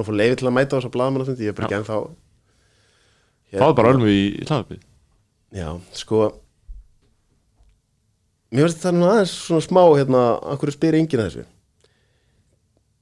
Samfélagið við veirufríkt en það voru gerð síðan 100.000 test við landamærin og þá er það ekki lengur veirufríkt Hver getur garanterað að það hefur gerð 100.000 test á random Íslendingum á sama tíma? Hefðum við þá verið veirufrí? Mm. Ég er ekki svo viss Nei, nei, við vitum ekki hvort svo öðrum orðum. blundað, blundað í Það vantar inn að þessi 100.000 test byggu við þetta til einhver smitt það hefur enginn spurt hvað við hefðum yfirfært þessi ef við hefðum bara öll land, landamæri lókuð en þessi 100.000 test hefðu verið gerð á Íslandingum flestir sem er að greinast með smitt eru engjannalausir mig grunar að við höfum bara fundið talsverta smittum í íslensku samfélagi. Það er enginn lift sér að varpa þessu upp. En sko, við, já, einmitt, en ég, ég held samt að Þórólu myndi svara þess að þá leið að, við hefðum hugsanlega fundið eitthvað örlítið á smástöðum sko, ef við hefðum testað svona grimt en hvað kallar örlítið miðan við það sem fannst síðan? Uh, með það sem fannst á landamærunum með í samfélaginu. Um, sko, þessi það er náttúrulega þegar þau finnast þá er náttúrulega hægt að slökkva á þeim og þau smiti ekki neitt, skilur uh, en það var náttúrulega fóru margir í gegn á landamærunum smitaðir, skilur en, en ég veit ekki, þessi COVID-um er náttúrulega mjög viðkvæm og ég segi og bara, viðkvæm ég og- segi uh, líka, með stóra atriði COVID verið þetta, ég er svolítið horfa á þetta eins og trúa, það er svona, ég, ég er í fyrsta skipta að tjá mig um COVID hérna á ykkur, þannig að ég er ég er svo bara, hver er eftirspurnin eftir þinni skoðun, Sölvi? Ég ætla ekki að vera miljónasti sérfræðingurinn sem veit þetta allt best og bla bla bla, skilur. Nei, nei. og ég vil horfa á þetta þannig þetta er búið að hafa áhrif á okkur öll það er bara ólíkt hvernig áhrif þetta bara á okkur. Mm. ég myndi kannski hafa aðra skoðun ef að mamma mín hefði orðið fára veik eða dáið þannig að einn einstaklingur er með ótta af því að smitast af veirunni, annar einstaklingur er með ótta af því að einhver í kringum hann smitist þriðji einstaklingurinn er með ótta af því að ferðarþjónustu fyrirtæki hans er farið í þrótt fjóruði einstaklingurinn er með ótti við að við séum að fara í stóra bróðusamfélag fymti einstaklingurinn er með ótti við að sé að koma fjármálakreppa sjött, við erum öll með mismunandi ótta og við verðum að geta tjáða án þess að það sé nei, mín skoðun er réttar en þín þú ert bara gæði sem vil drepa fólk. Nei, Einmitt. Við erum öll að koma frá ólíkum stað og við erum öll með einhvers konar eigin ótta og eigin hagsmuni. Ég ég hef rosa gaman að að ferðast. Minn ótti er að ég lokist inn í Ísland og ég má mig aldrei ferðast. Það er bara mín eigin hagsmuna Já, já. skiljiði, en ef ég væri annars konar einstaklingur þá væri ég ekki með þessa eigin hagsmuni skiljiði Nei, nei, ég held að þetta sé mitt Ef ég væri tónlistamæður sem hefði verið að missa gig um verslunum en helgina þá segir ég kannski, já, maður þurft að loka landamærun, skiljið. En það er náttúrulega að sem þetta er bara að bera virðingu fyrir því að, En það er náttúrulega það sem þetta er að verða núna. Þetta er að verða bara uh, risastóra pólitíska mála aldarinnar. Já, Það er bara, þetta er bara í þann mun klassist shit show sko. að þú veist, í fyrsta, fyrsta, fyr- í- fyrst í stað var þetta auðvitað bara, já, já, ok, fucking hell, við verðum að gera eitthvað, græjum þetta. Núna er þetta smátt og smátt að þróast yfir það, að verða bara stærsta pólitíska mál okkar tíma. já, já. Við erum bara ekki að fara að tala um annað en hvernig þetta var gert, hvað við gerðum, hvað við gerum í framhaldinu, hvernig við dílum við Það var kreppuna. með Loga Bergmann í viðtali hérna í þegar fyrri bylgjan var búin og ég spurði hann mitt, heldur að það verði talað um fyrir og eftir COVID og hann sagði, næ, ég held ekki, ég held að við séum algjörlega komið þangað Ó, núna bara, já. þetta er stærra en allt sem hefur átt sér stað síðan ég fættist held ég sko, Já, Mhm. Að því að að, fara þangað sko, að því að líka, í heiminum, í heimt sko, að því að ég líka ofta að hugsa, sko, einmitt, 11. september mun blikna í samanbyrði þetta. Já, í raun og veru vegna þess að ég hef til dæmis Mhm. oft hugsað um sko, maður er alltaf að hugsa, þú veist, er svona klassíst fréttamat er, þú veist uh, hvað skiptir þetta máli fyrir marga? Hversu ofalega setur þetta Já. fréttastíðuna bara, hvað skiptir þetta máli fyrir marga á fréttastíðu sem á að vera fyrir alla Heimurinn er í fóking lockdowni sko. nei, veist, og þegar við erum með, ég með COVID-frétt, þú veist, það eru tvö smitt eða það eru sex smitt eða það eru níu smitt eða við þurfum að gera þetta át þessu og ég hugsa, hver, hver er fréttamati, hversu mikið skiptir þetta máli? Eh, þetta varðar hverja einustu manneski á Íslandi. Mhm. hvernig aðgerðina verða þú veist, að Hver er einustu manneski í heiminum? Já, þú veist, en að því ég er að hugsa sko, þú veist, þegar við erum að tala um, þú veist, maður er svona, að erum við að tapa okkur í einhver smáatriðum, hvenær er alltaf þórulur að ski- skila minnisblæðinu inn til ráðanýttisins, eitthvað svona, við að vera að segja frá öllum þessum smáatriðum? Og það hugsa ég, já, að því að þetta skiptir máli fyrir hverja einustu manneski á Íslandi, sko, mér finnst það svo merkilegt, þú veist, það er aldrei þannig, þegar við erum að tala um bankana, eða við erum að tala um, þú veist, seðlabankan eða samherja, þá skiptir þetta ekkert máli fyrir alla á Nei, nei, Íslandi. ég er sammála því frétta mati að þetta er klárlega að, eitthvað sem snertir alla Íslendinga þannig að auðvitað er þetta mikilvægsta málið. Já. en ég saknaði þess bara svo oft við fjölmiðlana að hvar eru nokkrar líkil spurningar sem eru búin að hanga í loftinu allan tíman og það er búið að vera að reka hérna, fjölmiðla samsteipur og það er ekki enn búið að taka þessa umræðu. Eins og til dæmis þetta sem ég var að segja um áðan munu aðgerðirnar alveg öruglega spara fleiri mannslífið en það munu kosta. Við verðum sem samfélagi að geta tekið þessa umræðu. Uh, eins og til dæmis bara hérna hvað kostar það ef við höldum þessum aðgerðum áfram í hálft ár eða eitt ár, eða tvö ár, eða þrjú ár? Uh, þetta er einhvern veginn alltaf bara svona, já, við erum búin að ákveða að gera þetta í viku.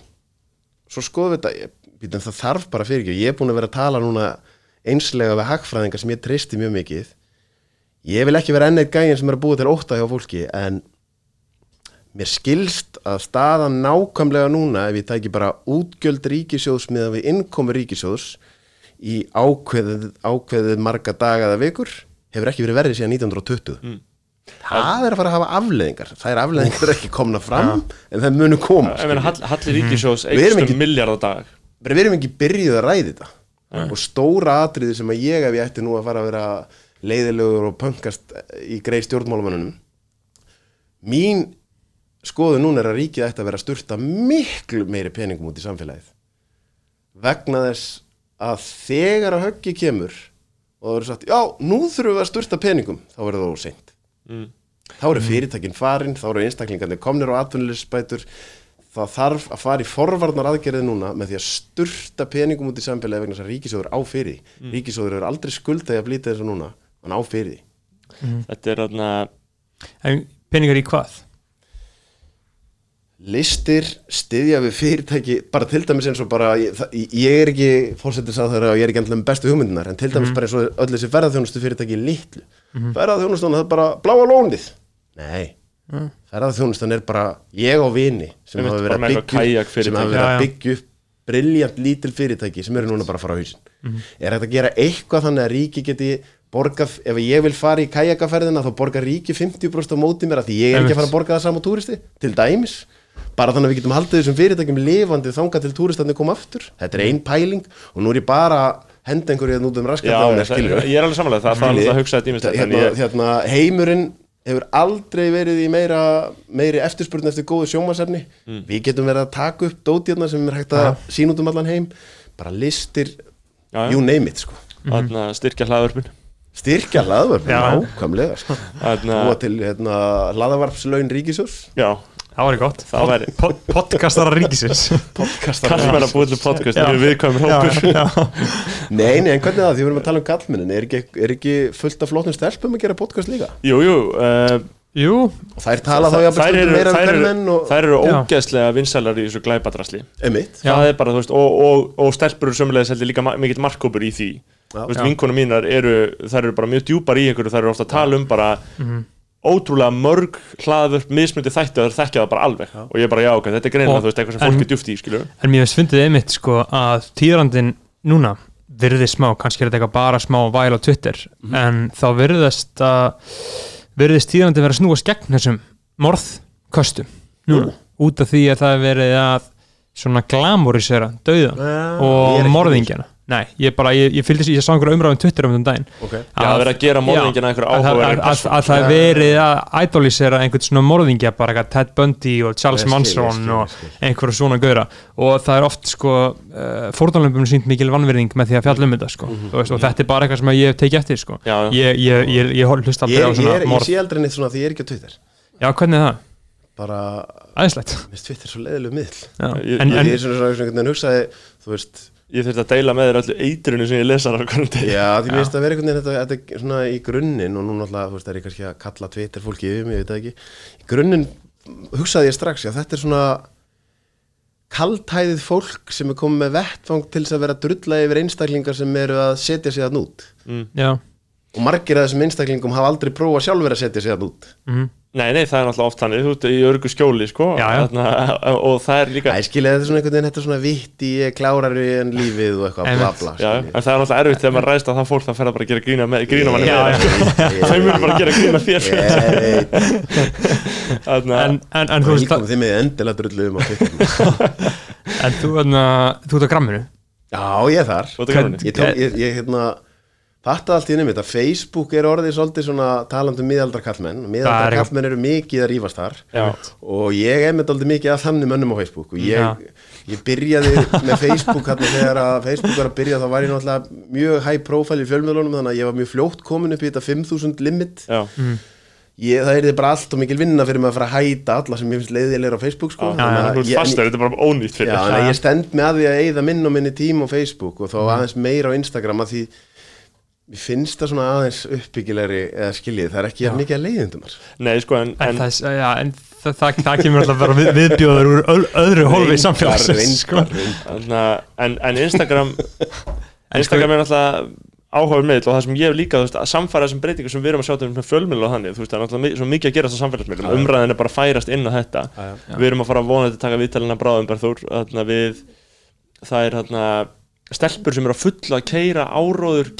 Eru með nýju Með ný- stjórnarskráni Já, einmitt, einmitt. Hefurðu séð þær? Já, eru- ég sá þær, ég hérna, hérna, mjög, mjög áhugavert.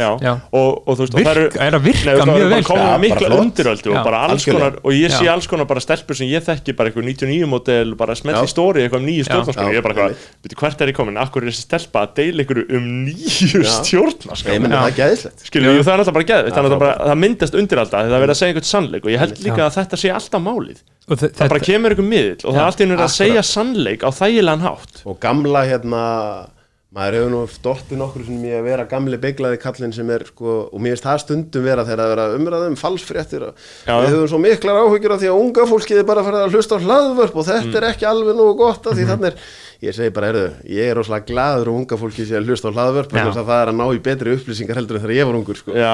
þegar ég settist fyrir framann hérna ég er kannski ekki alveg það gamall en þú veist, maður átt að settast fyrir framann rúf og svo fæði maður sannleikan í kvöldferðunum, sko. Ég Einmitt. veit, klukkan 7 þá byrja og það, að það var no questions asked. Er sko. Já. en þe- þetta er fyndið þróun á Instagram sko. það er einmitt það er góð grein uh, inn á na, Vox, Liberal Media na, það sem að vera að tala um hvernig, sko, þetta, hvernig Instagram er orðið bara eitthvað PowerPoint show PowerPoint, po- PowerPoint show fyrir svona aktivisma sko. og bara einhvern veginn hefur algjörlega þrósið það sem er alltaf bara frábær þróun sko. það er betra áhugavert hvernig samfélagsmiðlandi þróast með að í grunninn er þetta þannig að uh, börnin þurfa alltaf að flýja foreldra sín og finna nýjan miðil sko. Já. Því þú vilt ekki, þú veist, jú, ég getur með pappa og mamma á Facebook en ég Já. að finna þennan nýjan miðil Já, þetta er þannig að það var Instagram og svo Snapchat og svo TikTok Já. sko. En Instagram mun, Já. þeir munu þeir munu verða því að núna er mamma núna er mamma, hún er alltaf að replya á story Já, já,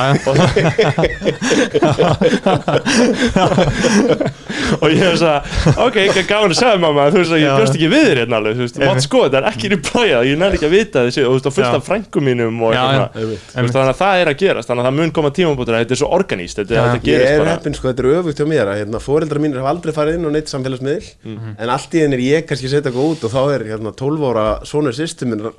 henni ég kannski að setja eitthvað út og þá 12 ára sonur sýstu minn hann er alltaf og þá er ég, já, heyrðu, nú þarf ég kannski aðeins að fara Já, hérna, pæli því að hann er að horfa á mig hérna. já, já. já, þetta er klassist dæmi. En, En, sko, en sko ætlar að segja eitthvað gáðlegt Já, ég ætla að segja gáðlegt sko. Þarna, uh, Sjólega, þú hefur voða mikið þarna, verið svona að leysa uh, alls konar vanda í eigin lífi, einhvers mikill í sjálfsvinnu og eitthvað svona. Já, uh, Helsta vandamál lífsmýns það er símafík Símafík Já, það er bara Instagram, Twitter, Messenger, Gmail allt Já, þetta ég tek alls hel, helsögur undir nákvæmlega saman Þetta Þið er eru á- helsta vandamál allra sem ég já. þekki ég er Nei, 97 sko- mótel og hann er 95 Já. Já, nú ætla ég að segja við ykkur bara Það er mjög gott að þið skulle segja þetta vegna þess að þið eru í raun og vera að viðurkenna það sem allir aðrir er eftir að viðurkenna vegna þess að ég Já. segi alveg absolutt þetta er stærsta fíkn samtímans, bara Já. 100% sko. Já. Ég hef Þetta er meiri hátavand Það er ekki til lausn Ég, prófa, ég allt. prófaði að vera án snjallsíma í, Já, þú reynt ímislegt Ég prófaði að vera án snjallsíma í fimm mánuði Þannig ég veit hvað ég er að tala um þegar ég segi Hvers Já. konar frákvörf maður fer í gegnum Já. Þegar maður hættir þessu sko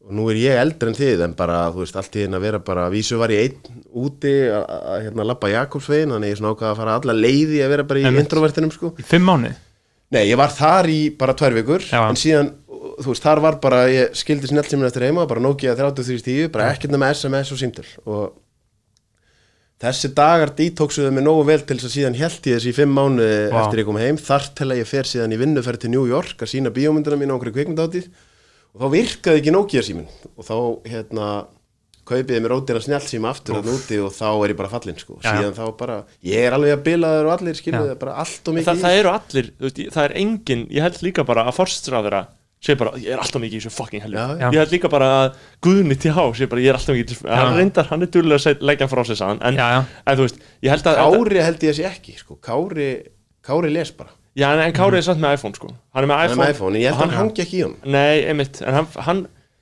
En hann sko- kann á tæknina sko. en sko hjá mér er við höfum tekið FaceTime sko. Já, einmitt, einmitt. Sko hjá mér er það ekki endilega sko að hanga í honum heldur að stanslust að hugsa um hann og Já. Berjast við að fara ekki alltaf halda að sé eitthvað sem að býði mín að sé eitthvað næst stöff að fara og pappi er Mæta mér, sko. pappi minn er með doktorsprófi í sálfræði og hann er sérfræðingur í ADHD og hefur mikið verið að vinna með tölvureikjafíklum og ungum kallmönu sérstaklega og hann sagði hérna við mig fyrir tíu árum stærsta verkefni sálfræðinga á næstu áratugum verður að aftækja veða fólk Já.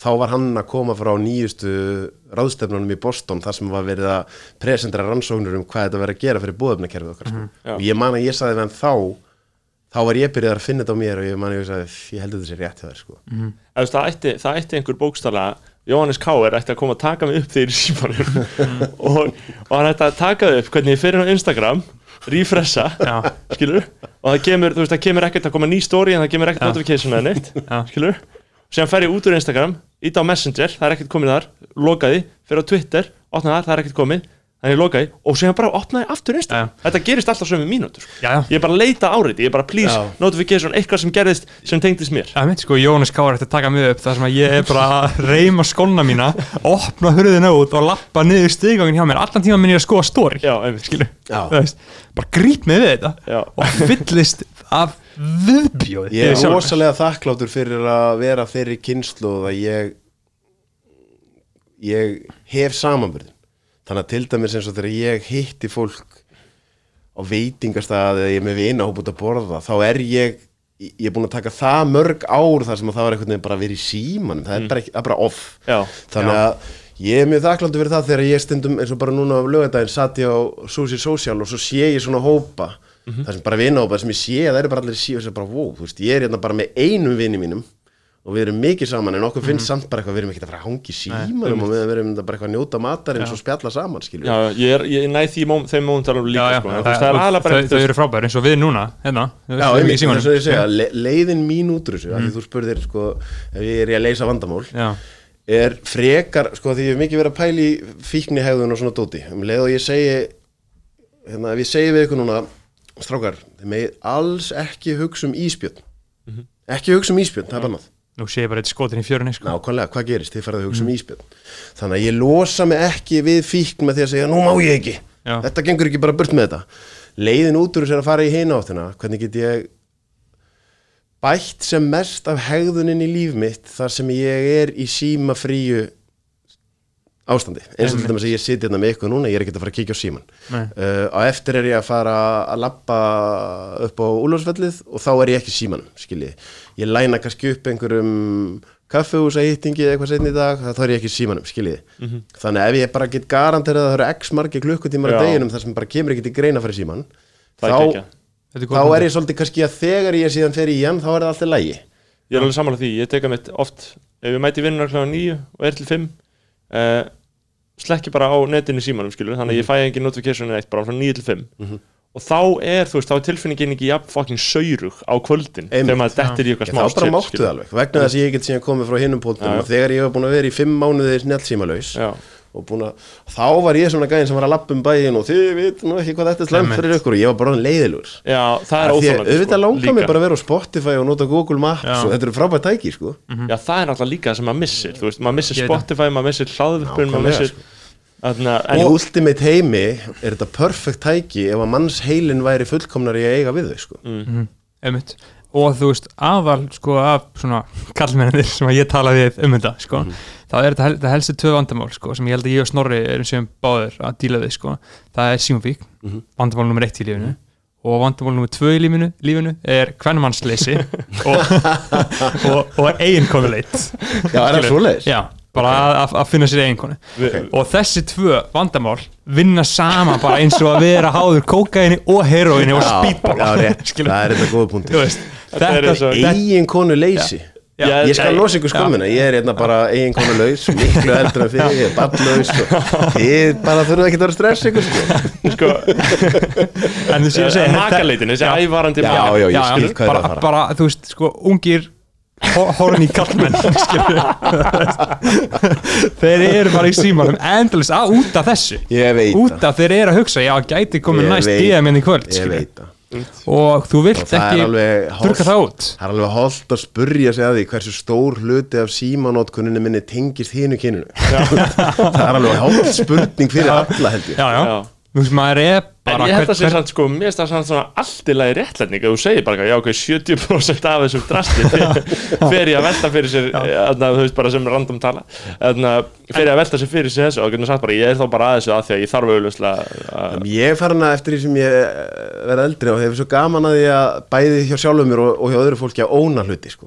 sem er einmitt bara svona, "Ah, ok, setja ég það út einhverja, hérna, mynda við þér á einhverju sunnudagskvöldi og ég bara að þessu þess að ég fái kannski like frá sætum stelpum og ég ætla bara að viðurkenna það. Og þá er það ekki lengur vandamál og leiður segir bara, já, já, ok, það eru hérna 200 fertu í kallmenn að like þetta. Ég er bara engan á því en, veist, en þetta er líka skilur að því að málið er að þú veist, þú, getur, þú veist það eru tvær leiðir í þessu. Annarkvort viðkennir það eða ert falskur og lætur eins og Akkúrat. lætur Já, já. þess að þetta sé ekki þessu stað þegar ég set mynda mér í, á, á Instagram þar sem ég er í rúlukra og er að spenna kjálkana mína þú veist.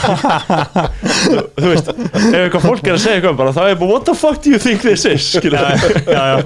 þú veist, hvað á þetta að vera sko.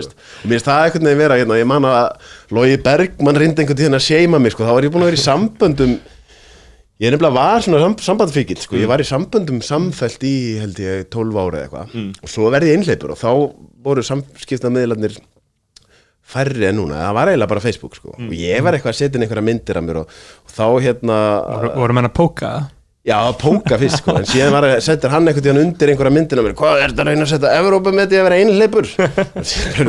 hvað væri þú að gera hérna gamli ef að þú væri hérna loksins einhleipur og aldrei er einhleipur á, æfiðinni skilur og ert þetta á samfélagsmiðli bara um fullt, bara, heyrðu, er eitthvað að því?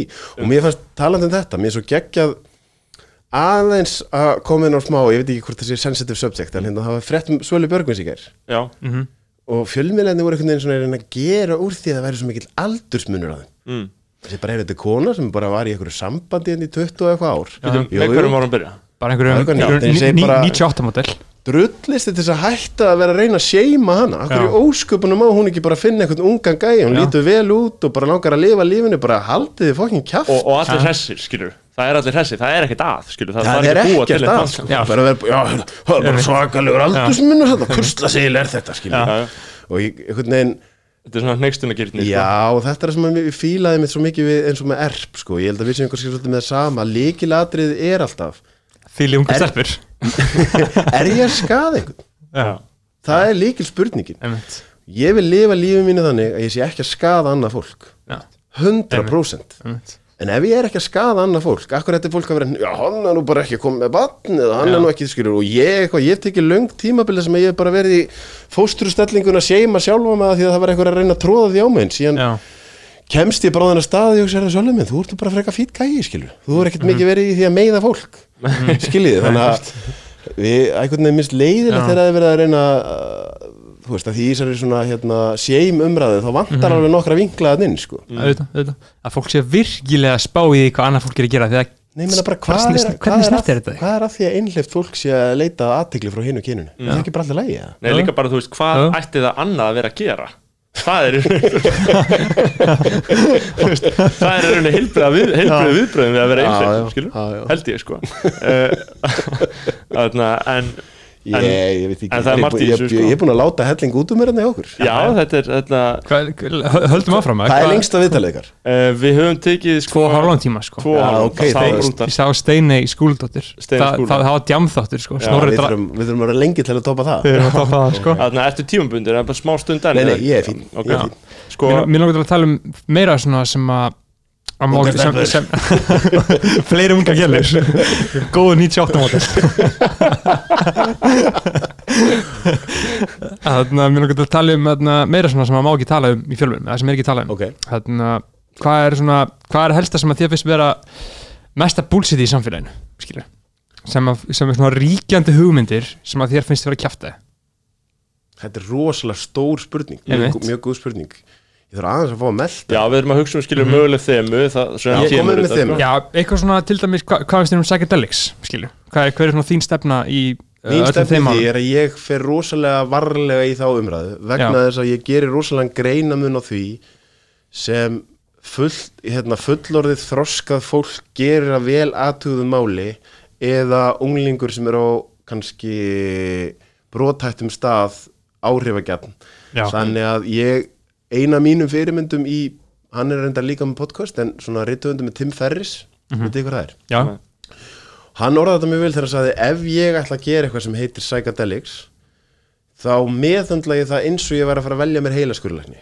þannig að með hverjum er ég að fara að gera þetta hvaðan er efnið að koma hvernig er ég stemdur ég er ekkert bara að fara að mæta einhvern í eitthvað partí og láta einhvern rétta mér eitthvað efni og setja það inn í mig Ég, þannig að þú það er veist þannig að vandamáli við þessa umræðu er að það er svo rosalega erfitt að vera með einhverja eina svona skoðun sem er rétt fyrir alla. Einmitt. af því ég myndi alltaf vera í öllum þessum málum.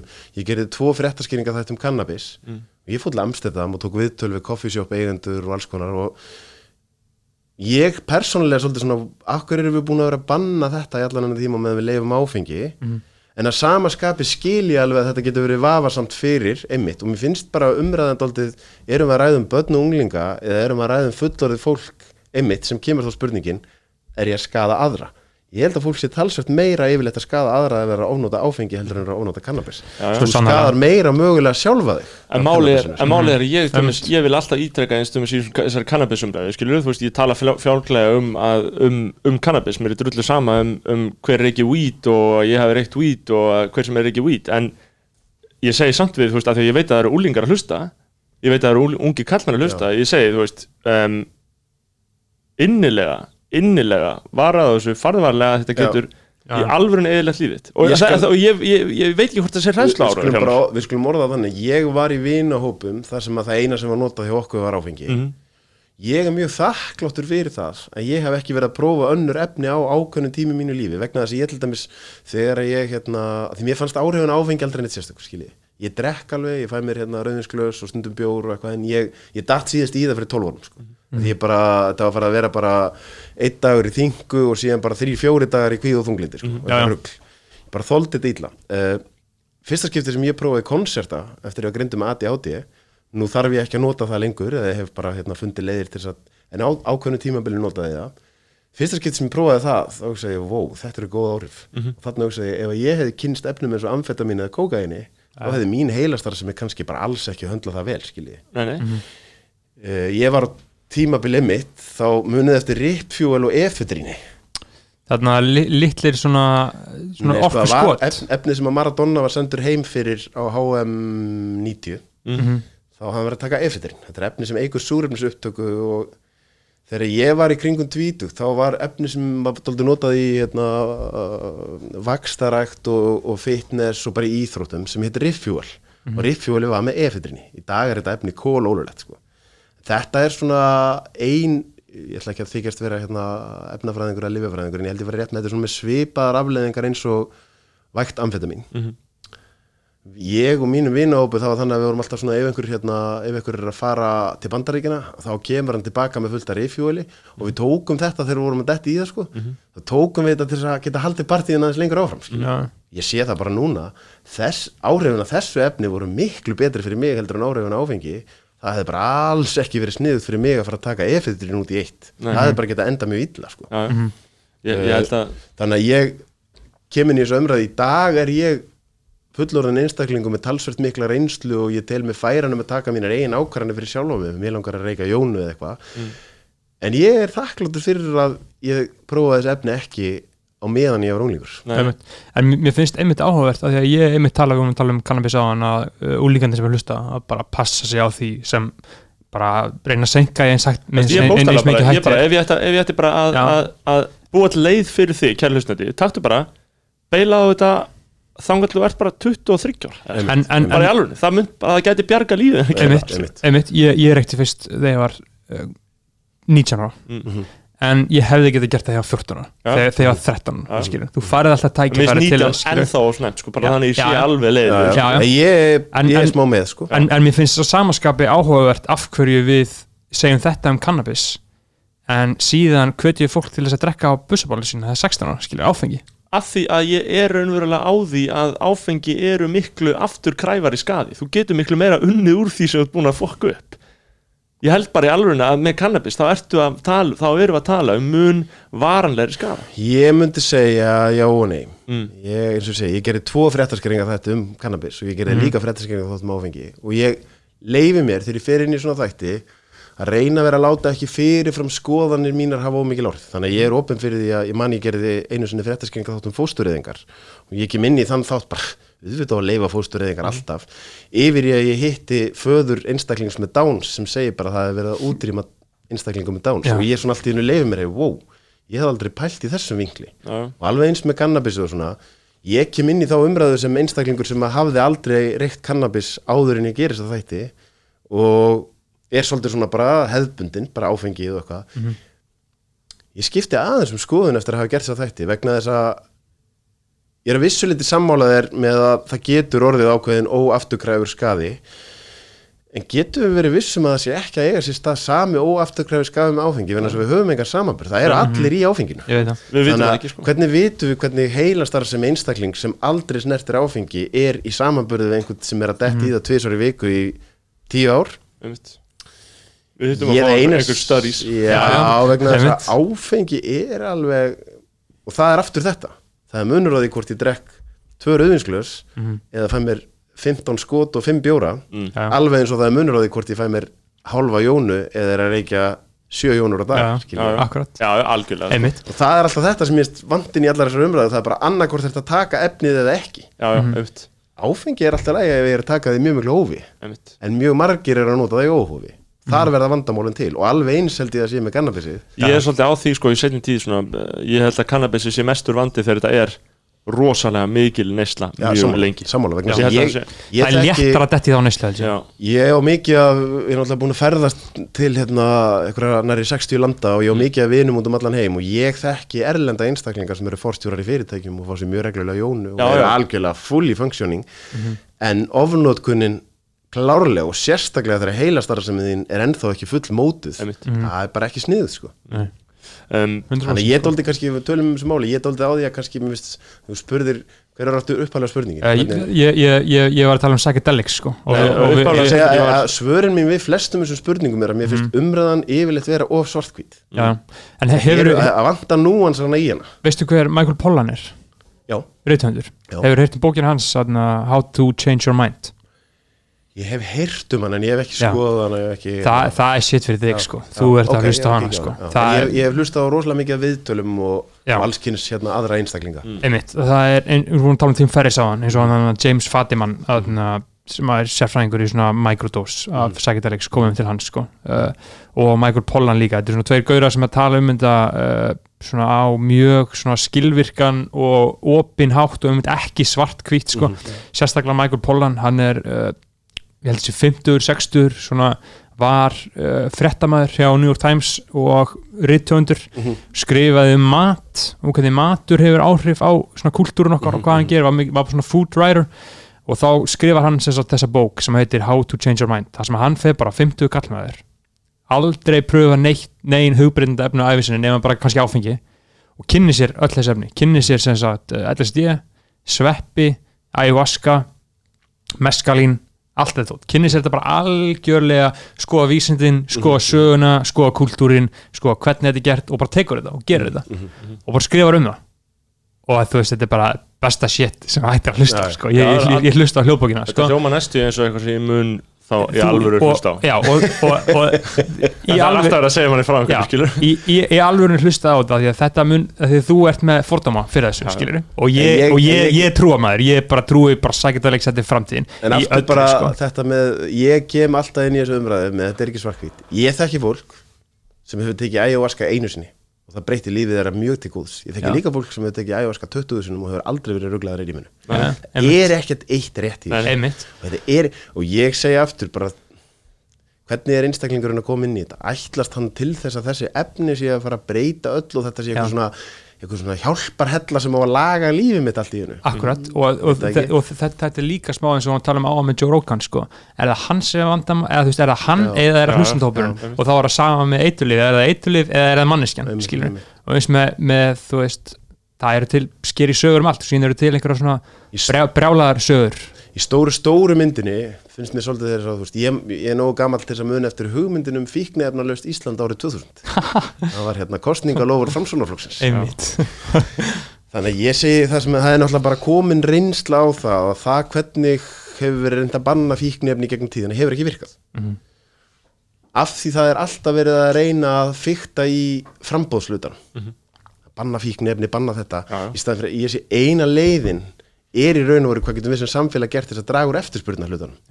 Eða sjá til þess að eftirspurnin sé engungu hjá einstaklingi sem er að koma frá mjög góðum stað en ekki bara ég ætla að nota þessi efni til að hakka mér eða eitthvað skilji. Þannig að mér finnst einhvern veginn svo hæpið að ætla að vera að laga hluti með bóðum og bönnum út í eitt sko. það er líka svo fyndið sko hvað það er. Þú veist, það er svo hróbandi árangurslaust þetta fíknefnastríð þú veist, bara af því að bara núna ég gæti verið komið með þrjú stykki af kókaðin og 60 skall bara eftir klukktíma Já, ég er af annari kynslu en þig, það er aðeins erfæðar fyrir mig. Já. það er bara telegram, þú Ég- bara download telegram Ég- og þú myndi bara komið þetta Þú núna. Veist, ég, var, að, ég er bara að tala um þú veist út frá frambóðinu er og það Algjörlega. sýnir auðvitað bara á, á sama tíma þá er löggan samt að koma svona eitthvað þryggja hérna fresti, mánuða fresti þá kemur hún með eitthvað svona fundum uh, 15 kíló og allir er svona, já ok, það breytir ekki neinu Nei, það er bara slæmt fyrir eitthvað fórnalöfum sem, þú veist, það eru bara einhverjum múls sem fari í fókus það, það var ekkert gott það sem var gerst kannski annað sem ég, annar vinkillin í kannabisumræðina er að það sem gæti verið gott við lögleðingu, þetta er bara pæling, er að það er oft þannig að sá ef þú ert 15 ára einstaklingur og það er bara auðvelt fyrir 15 ára einstakling að verða þér út um kannabis. Hver er að láta þið fá það? Sá sem lætið þið fá það hér núna er mögulega með rosalega mikið öðrum efnum til sölu líka. Mhm. Og meðan ef þetta verið löglegt Jöp. þá væri aðeins sem þú fengið kannabisi frá hann er ekki líka að fara að láta það hafa alls konar önnur efni skilji, og mér stundum vanta þennan vinkilin í umræðina já, já. sem er að það er svona, ef þú ætlar að hafa þetta þannig að það er bara svona áfengir í lægi og allt hitt er bara fíknefni Jöp. að þá getur bara einhver ungu krakki sem, sem byrjar að prófa eitthvað eitt, hann er bara hennu komið með hóp sem er að bjóða honum allt skiljið og mér finnst við verðum líka að taka það inn í umræðinu því ég er alltaf í öll, allir svona þá er ég mest að hugsa um börn og unglinga. Mér finnst það vera svo stjartfræðilega munur á því. Hvort að ég sem fullorðin einstaklingur segi ég ætla að ákveða að gera þetta núna þó að þetta geti hakka mér eða ef ég gera það sem áhrif ekki 16 unglingur Já, já. og það er stórættilega þess að reyna að, einmitt að segja við alla okkar hlustendur að fara bara eins rólega í svona að mál og hægt ég segi bara, ef ég á sko. að gefa að þið- fólk vil líka skýr fyrirmæli Já, ég gef ykkur skýr fyrirmæli beila á þetta og meðan eitthvað svona alls konar fólki í kringum ykkur er að fokki þessu. Taki bara beil leiðina og þið munu hlæja alla leið í bankan að hafa tak, tekið beil leiðina. Allavega með weed finnst mér sko.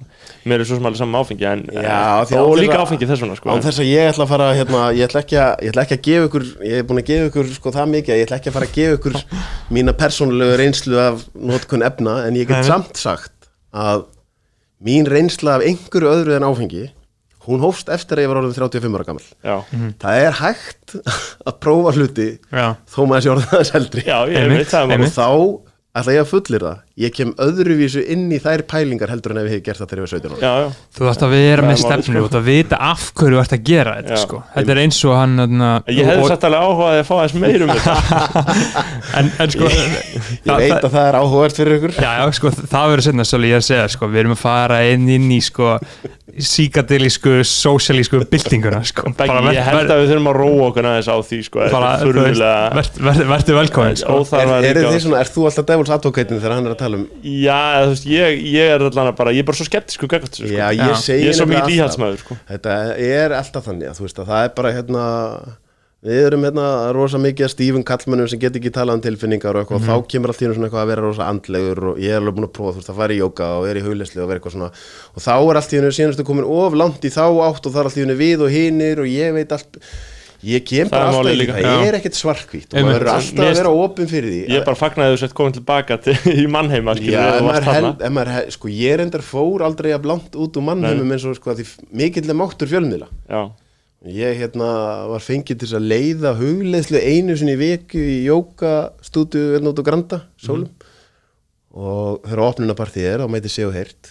Og það eru tekna fullt af myndum. Og myndina mér endur á forsíðu aðal forsíðinni og það stendur Sölvi kennir hugleiðslu. Ég kendi sem sagt hugleiðslu einu sinni í viku í átta mánuði. Ég var spurður í tvö ári að þú ert náttúrulega bara í fullri vinnu við að kenna hugleiðslu eða ekki? Já, einmitt, Skiljið.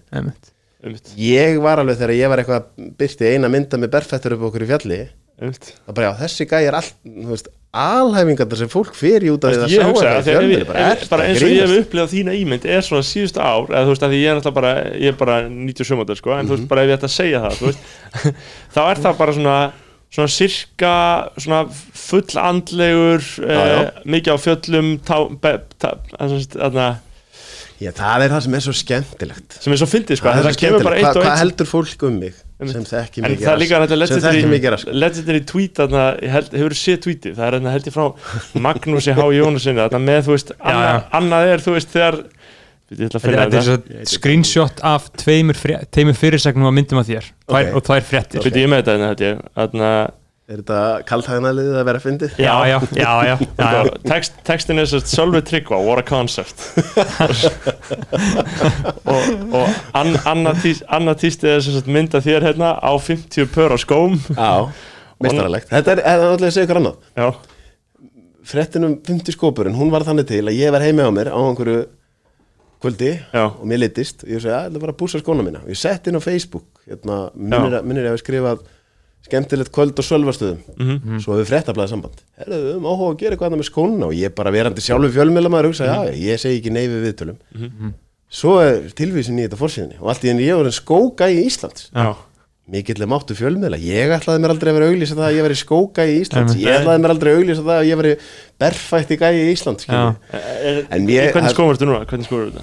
Þetta er einhverjir hérna geggjaði stregarskór sem ég kefti man ekki hvað landi ég kefti á. Já, bara einhver, eitthvað flip, er smá svona Gucci, eins og Gucci skór þetta er samt ekki Gucci sko. þetta er ekki Gucci. Nei, þú, En- ert, þú ert ekki merkjur maður. Nei, ég sko, ég, nei, ég er alls ekki merkjaförum aður en ég er aftur þar bara, ég neita að aftur, þetta er einhvern veginn ég er að finna mér svo gaman að þessum karakter mér Já, þetta neita að láta þú ef, ég sé ég einhverja vöru sem er hrikalega flott þá er mér alveg sama hvort hún er merkið ekki. Mhm. skiljið, ég er heldur ekki gæinn sem segir nei, ég ætla aldrei að kaupa þetta þetta er merki Mhm. Það er bara, ég, ég vil bara lifa lífið mínu þannig ég geri það sem ég sýnist. En sko, setni hluti tweetsins er sérst, fyrri, fyrri hlutin er sérst á 50 fyrir skóm Ok. og næsti er sérst Sölvi Tryggva gengur berfættur og helgafættur og tweet. til að ná betri hjartingu þetta er gott og hann segir a concept og það eru 613 likes já, gott að Þannig, að- og þá, þá Mhm. svarar einhver þarna eitthvað. Síðasta sunnudag var heimildamind á rúf um eitthvað náunga sem gekk Já. yfir Ísland. ég var með honum. Sölvi kom fram og var tillaður The Barefoot Icelander. En sjáu þið líka hvað er skemmtilegt við þetta? Því ég fór í svona ferðalag þar sem að var oft verið að gera eitthvað grína mér og dót. Þegar ég var sem mest í svona þessu ef við köllum, En nota benni, það er líka áhugavert af Því ég, ég held með Liverpool. Ég hef haldið með Liverpool síðan að ég var sex ára. Ég hef aldrei sagt við þegar ég er að tala um Liverpool. Nei, Ég ára svo erfitt með allt svona. Já, Og ég hef aldrei sagt Ég er andlegur Eða ég er á andlegu ferðalagi. Mm. Ég var bara maður sem var að glíma við mikið af erfileikum Og ég allt í einu var nógu auðmjögur til þess að prófa allt til þess að reyna að láta mig líða betur. Það voru nú öll andlegheitin í mér. Já. en fjölmiðlar og annað tvistu sig þannig að ég er alltaf svona gægin sem er að reyna að íta egóinu mínu upp að því ég ætla að vera andlegri en þið öll og ég er svo svona flottur gægi sem veit allt best Einmitt, skilur. einmitt. og það er svo gaman að ég tók alveg svona tímabil þar sem ég bara af hverju skilum enginn, þetta er ekki svona. Yfir í að núna hef ég svo gaman að þessu. Já, Mér finnst svo gaman að því að fólk hafi geta gert grín á minn kostnað og mm. fengið smá bros og hlátur og eitthvað. Og þegar að maður er komin á þann stað þá hættir eiginlega að vera gaman að gera grín á manni skilur. já, já, einmitt. Núna, já, það er eiginlega að þú fóðrar kaltæðina grínið með því að taka það rosalega nærið þér sko. einmitt. Sko, já, það er það er, og gaman að gera svona grín í einhverjum sem tekur það svolítið já, nærið sem er 100% höfundsál sko. sko. en, en ekki þegar einhvern veginn þetta er búið að fara í allar hringin og þá veit ekki lengur hvað hann á að segja. Hann veit ekki lengur hvað hann á að segja um sjálf að tryggja Já, ég, en mér finnst það svolítið gaman að bókin mín án þess að ég að að að og auðvitað æðislegt hún hafi selst vel og allt það. En bó, ég sé það síðan núna bókin var einhvern veginn svona endurreisnin mín. Mm. að því þar kom útskýring á ferðalæginu mínu. Já, já, Já, ok, þessi gæi var ekki bara eitthvað að reyna að vera á egoflippi hann var bara að reyna að laga sig mm og var svona einhvern veginn og horfir á ferðalægi mitt og segir bara ég var aldrei að reyna að vera eitthvað betri. Næmi Ég var bara gæi sem var hérna komin á fullt af livjum við kvíða og Já. var oft bara grenjandi heima mér og langaði að líða betur, skilur Mhm. og þá bara á einhverjum punkti ok, getur mér liðið betra þegar að fara í kakóserimóni og heyri kilumóta, bara mm -hmm. ég farið að kilumóta, bara berfættir bara gerum þetta, skilur sko, Hvað hva, hva lítið líða best? Hvað var mesta svona breakthroughð? Það var rosa gott fyrst þegar ég var að fara í köldupótana, sko. Já, það var eitthvað svona að því ég er í grunnan svo mikill óttafíkil, sko og ég var alveg samfærður um sko að ég myndi deyja og hérna, tók mig langan tíma að vinna þetta upp. Þannig að það var Mm. hvað getur hvað getur farið, við myndum fara, fara bara nýðslegina hvað getur verið að ég, lengi? svo er ég, svo er það fyndi sko. Já. það er líka bara fólk er að koma til mér núna. Ég hef nú aðeins verið að fara í íspöðin ég er ekkert eins og þú sko. Nei. ég er orðin kuldaskræf já, aftur. Já, Já. já, þetta er algjört bara system. Ég fer í kalda sturtu alla mótna í svona 20 sekundur en ég er ekkert búin að vera að fara í kalda potta núna þannig að ef við færum núna eftir þá ég veist um ég, þú veist, ég myndi þurfa að taka á hana stóra mínútur til að vera í tvær mínútur sko. Já, ég mitt En þegar á, sem mest lét þá var ég yfirleitt að fara bara alla mótna þrjár ferðir svona þrjár mínútur hver. Heiti kaldi, heiti kaldi, já, geðveitt staf ég ger þetta líka, þetta er mjög Það er æðislegt. Og hérna síðan var hugleitlan líka, fyrst þegar ég kynntist Já. henni þá var hún geggjuð. Hvern, hvernig þau það? uh, bara núvendar hugleitla, svona Mm. einfælt en síðan myndi ég kannski segja samt að stærsta verkværið hafi verið þetta einhvern veginn að, eins og núna ef ég væri í einhverjum algjörum skít núna eftir þá er ég með í símaskrána minni bara 40 sálfræðingar sko. Mm. það er að, að byrja að þóra að vera vulnerable og opna sig við fólki sem mann ekki vendum og vinni sinni og svona og þá ertu komið með þetta network support ef það er eitthvað aðhjóðir þá bara er eitthvað að fara að grípa þig skilur einu sinni var ég svo mikið einn með þetta allt sko. Mátt enginn vita þessu, ég skammast mín svo mikið fyrir þetta yfir í að núna er bara hei gamli, ég er komin hérna bara í einhverja kvíðarugl skilur ég þarf aðeins að fá að randa á þig skilur Já. og bara tryggja myndina símtal, kvíðin er bara farin skilur það er geggjast já, það er mikilvægt sko. Og ég meina, og, og, og þetta er bara eitthvað sem, að mun, sem að allir munum vera að díla við alla æfið hann, eitthvað. Fólk heldur hvað sé núna eitthvað og sjálfur tryggva á orðin eitthvað frelsaður, skilur Það er ekki bara bullshit, það. Það er aftur, enn einn hugmyndin sko. Ég fyrir að halda fyrirlestra og síðan byrja fólk að geta úr lóðunum á mér af Því ég er alltaf orðin einhver heilsugúru já, skilur var og sí, síðan hérna, þú ert nú með þetta og ég, og ég var farin að gera í því núna þegar ég er að halda fyrirlestrana síðast þegar býtu, ég gaf mig aldrei út fyrir að vera gúrúin ykkar. Ég er bara venjulegu dútti en þá að díla við alls konar sétt skilur en jú, ég er búin að auka vopnabúri mitt gífulega, ég held ég geti gert gagn með því að deila því með ykkur, en í guðana bænum ekki fara að gera mig að einhverjum prófað að vera með mér hérna í 24 tíma og þá sjáu þið hvað ég beiglaður sko. já, já.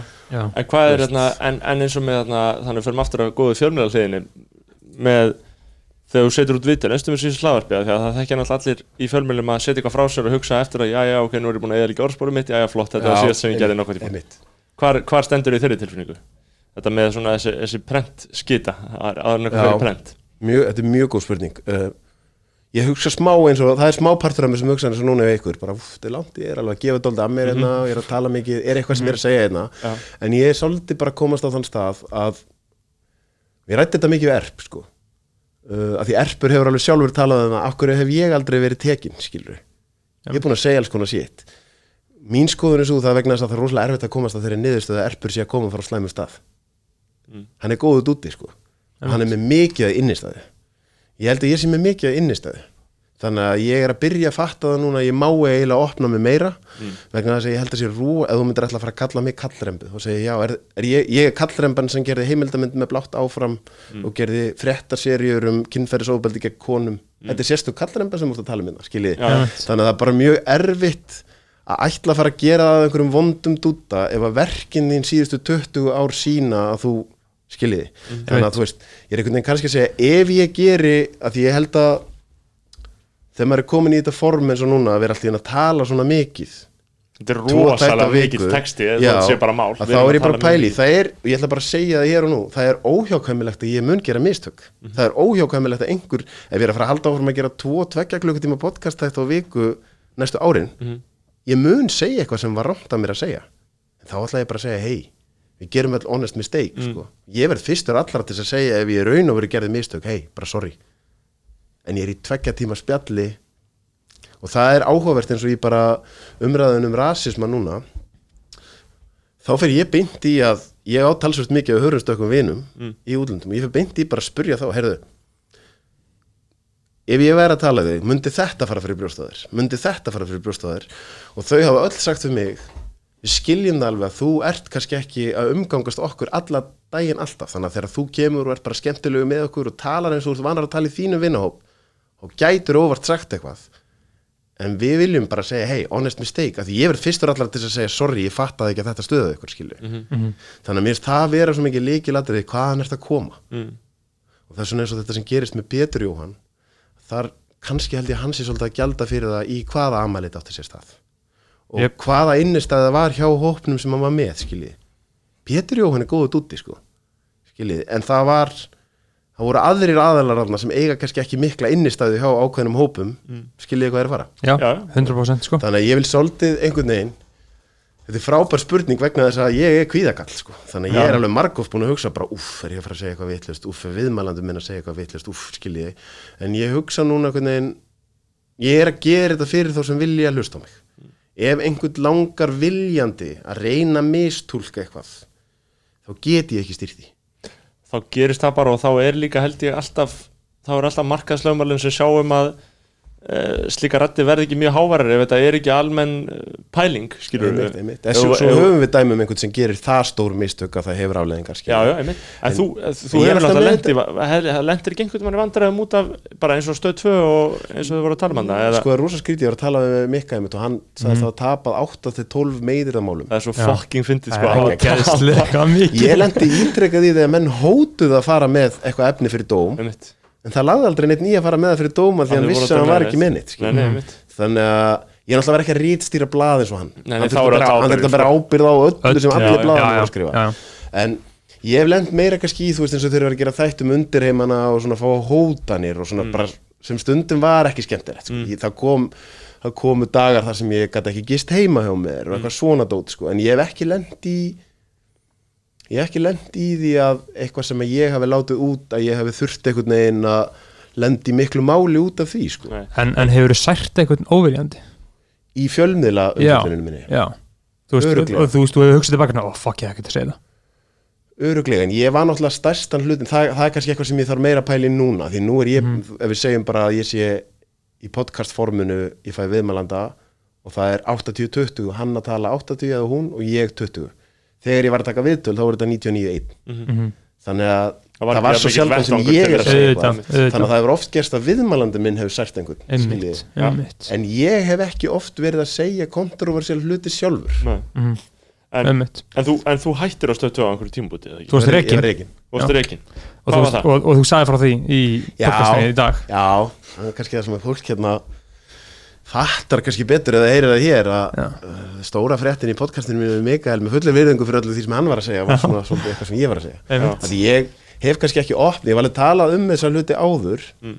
uh, en það bara gerist í flæðinu mónum því ég er að æfa mig að vera óhrættar og óhrættar við að segja hluti.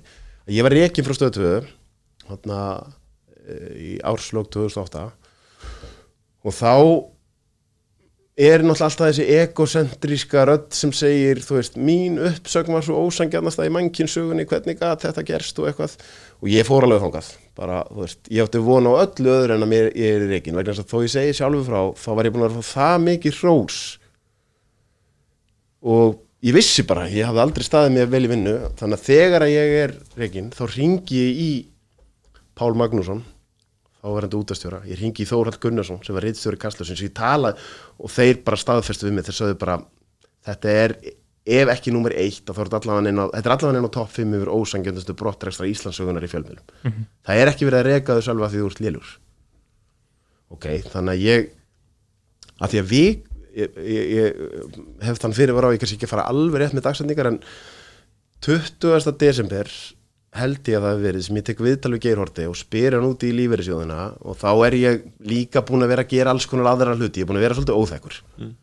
Og ég áttaði mig ekki á því á þeim tíma að það væri kannski umræður um mig í stjórninni eða eitthvað um að veist, þetta væri bara ekki alveg lægi af því ég er bara fréttamaður sem held að ég að segja sannleikan mm uh, eina sem ég veit er að sjónvarstjórin á þeim tíma á stöð 2, Pálmi Gunnarsson sem er núna upp á, á sjónvarsippi Símans æðislegur náungi sem að ég hef unnið oft með í gegnum tíðina og hefur bara verið já eins og segi, við bara hittumst oft og þetta er bara frábær náungi.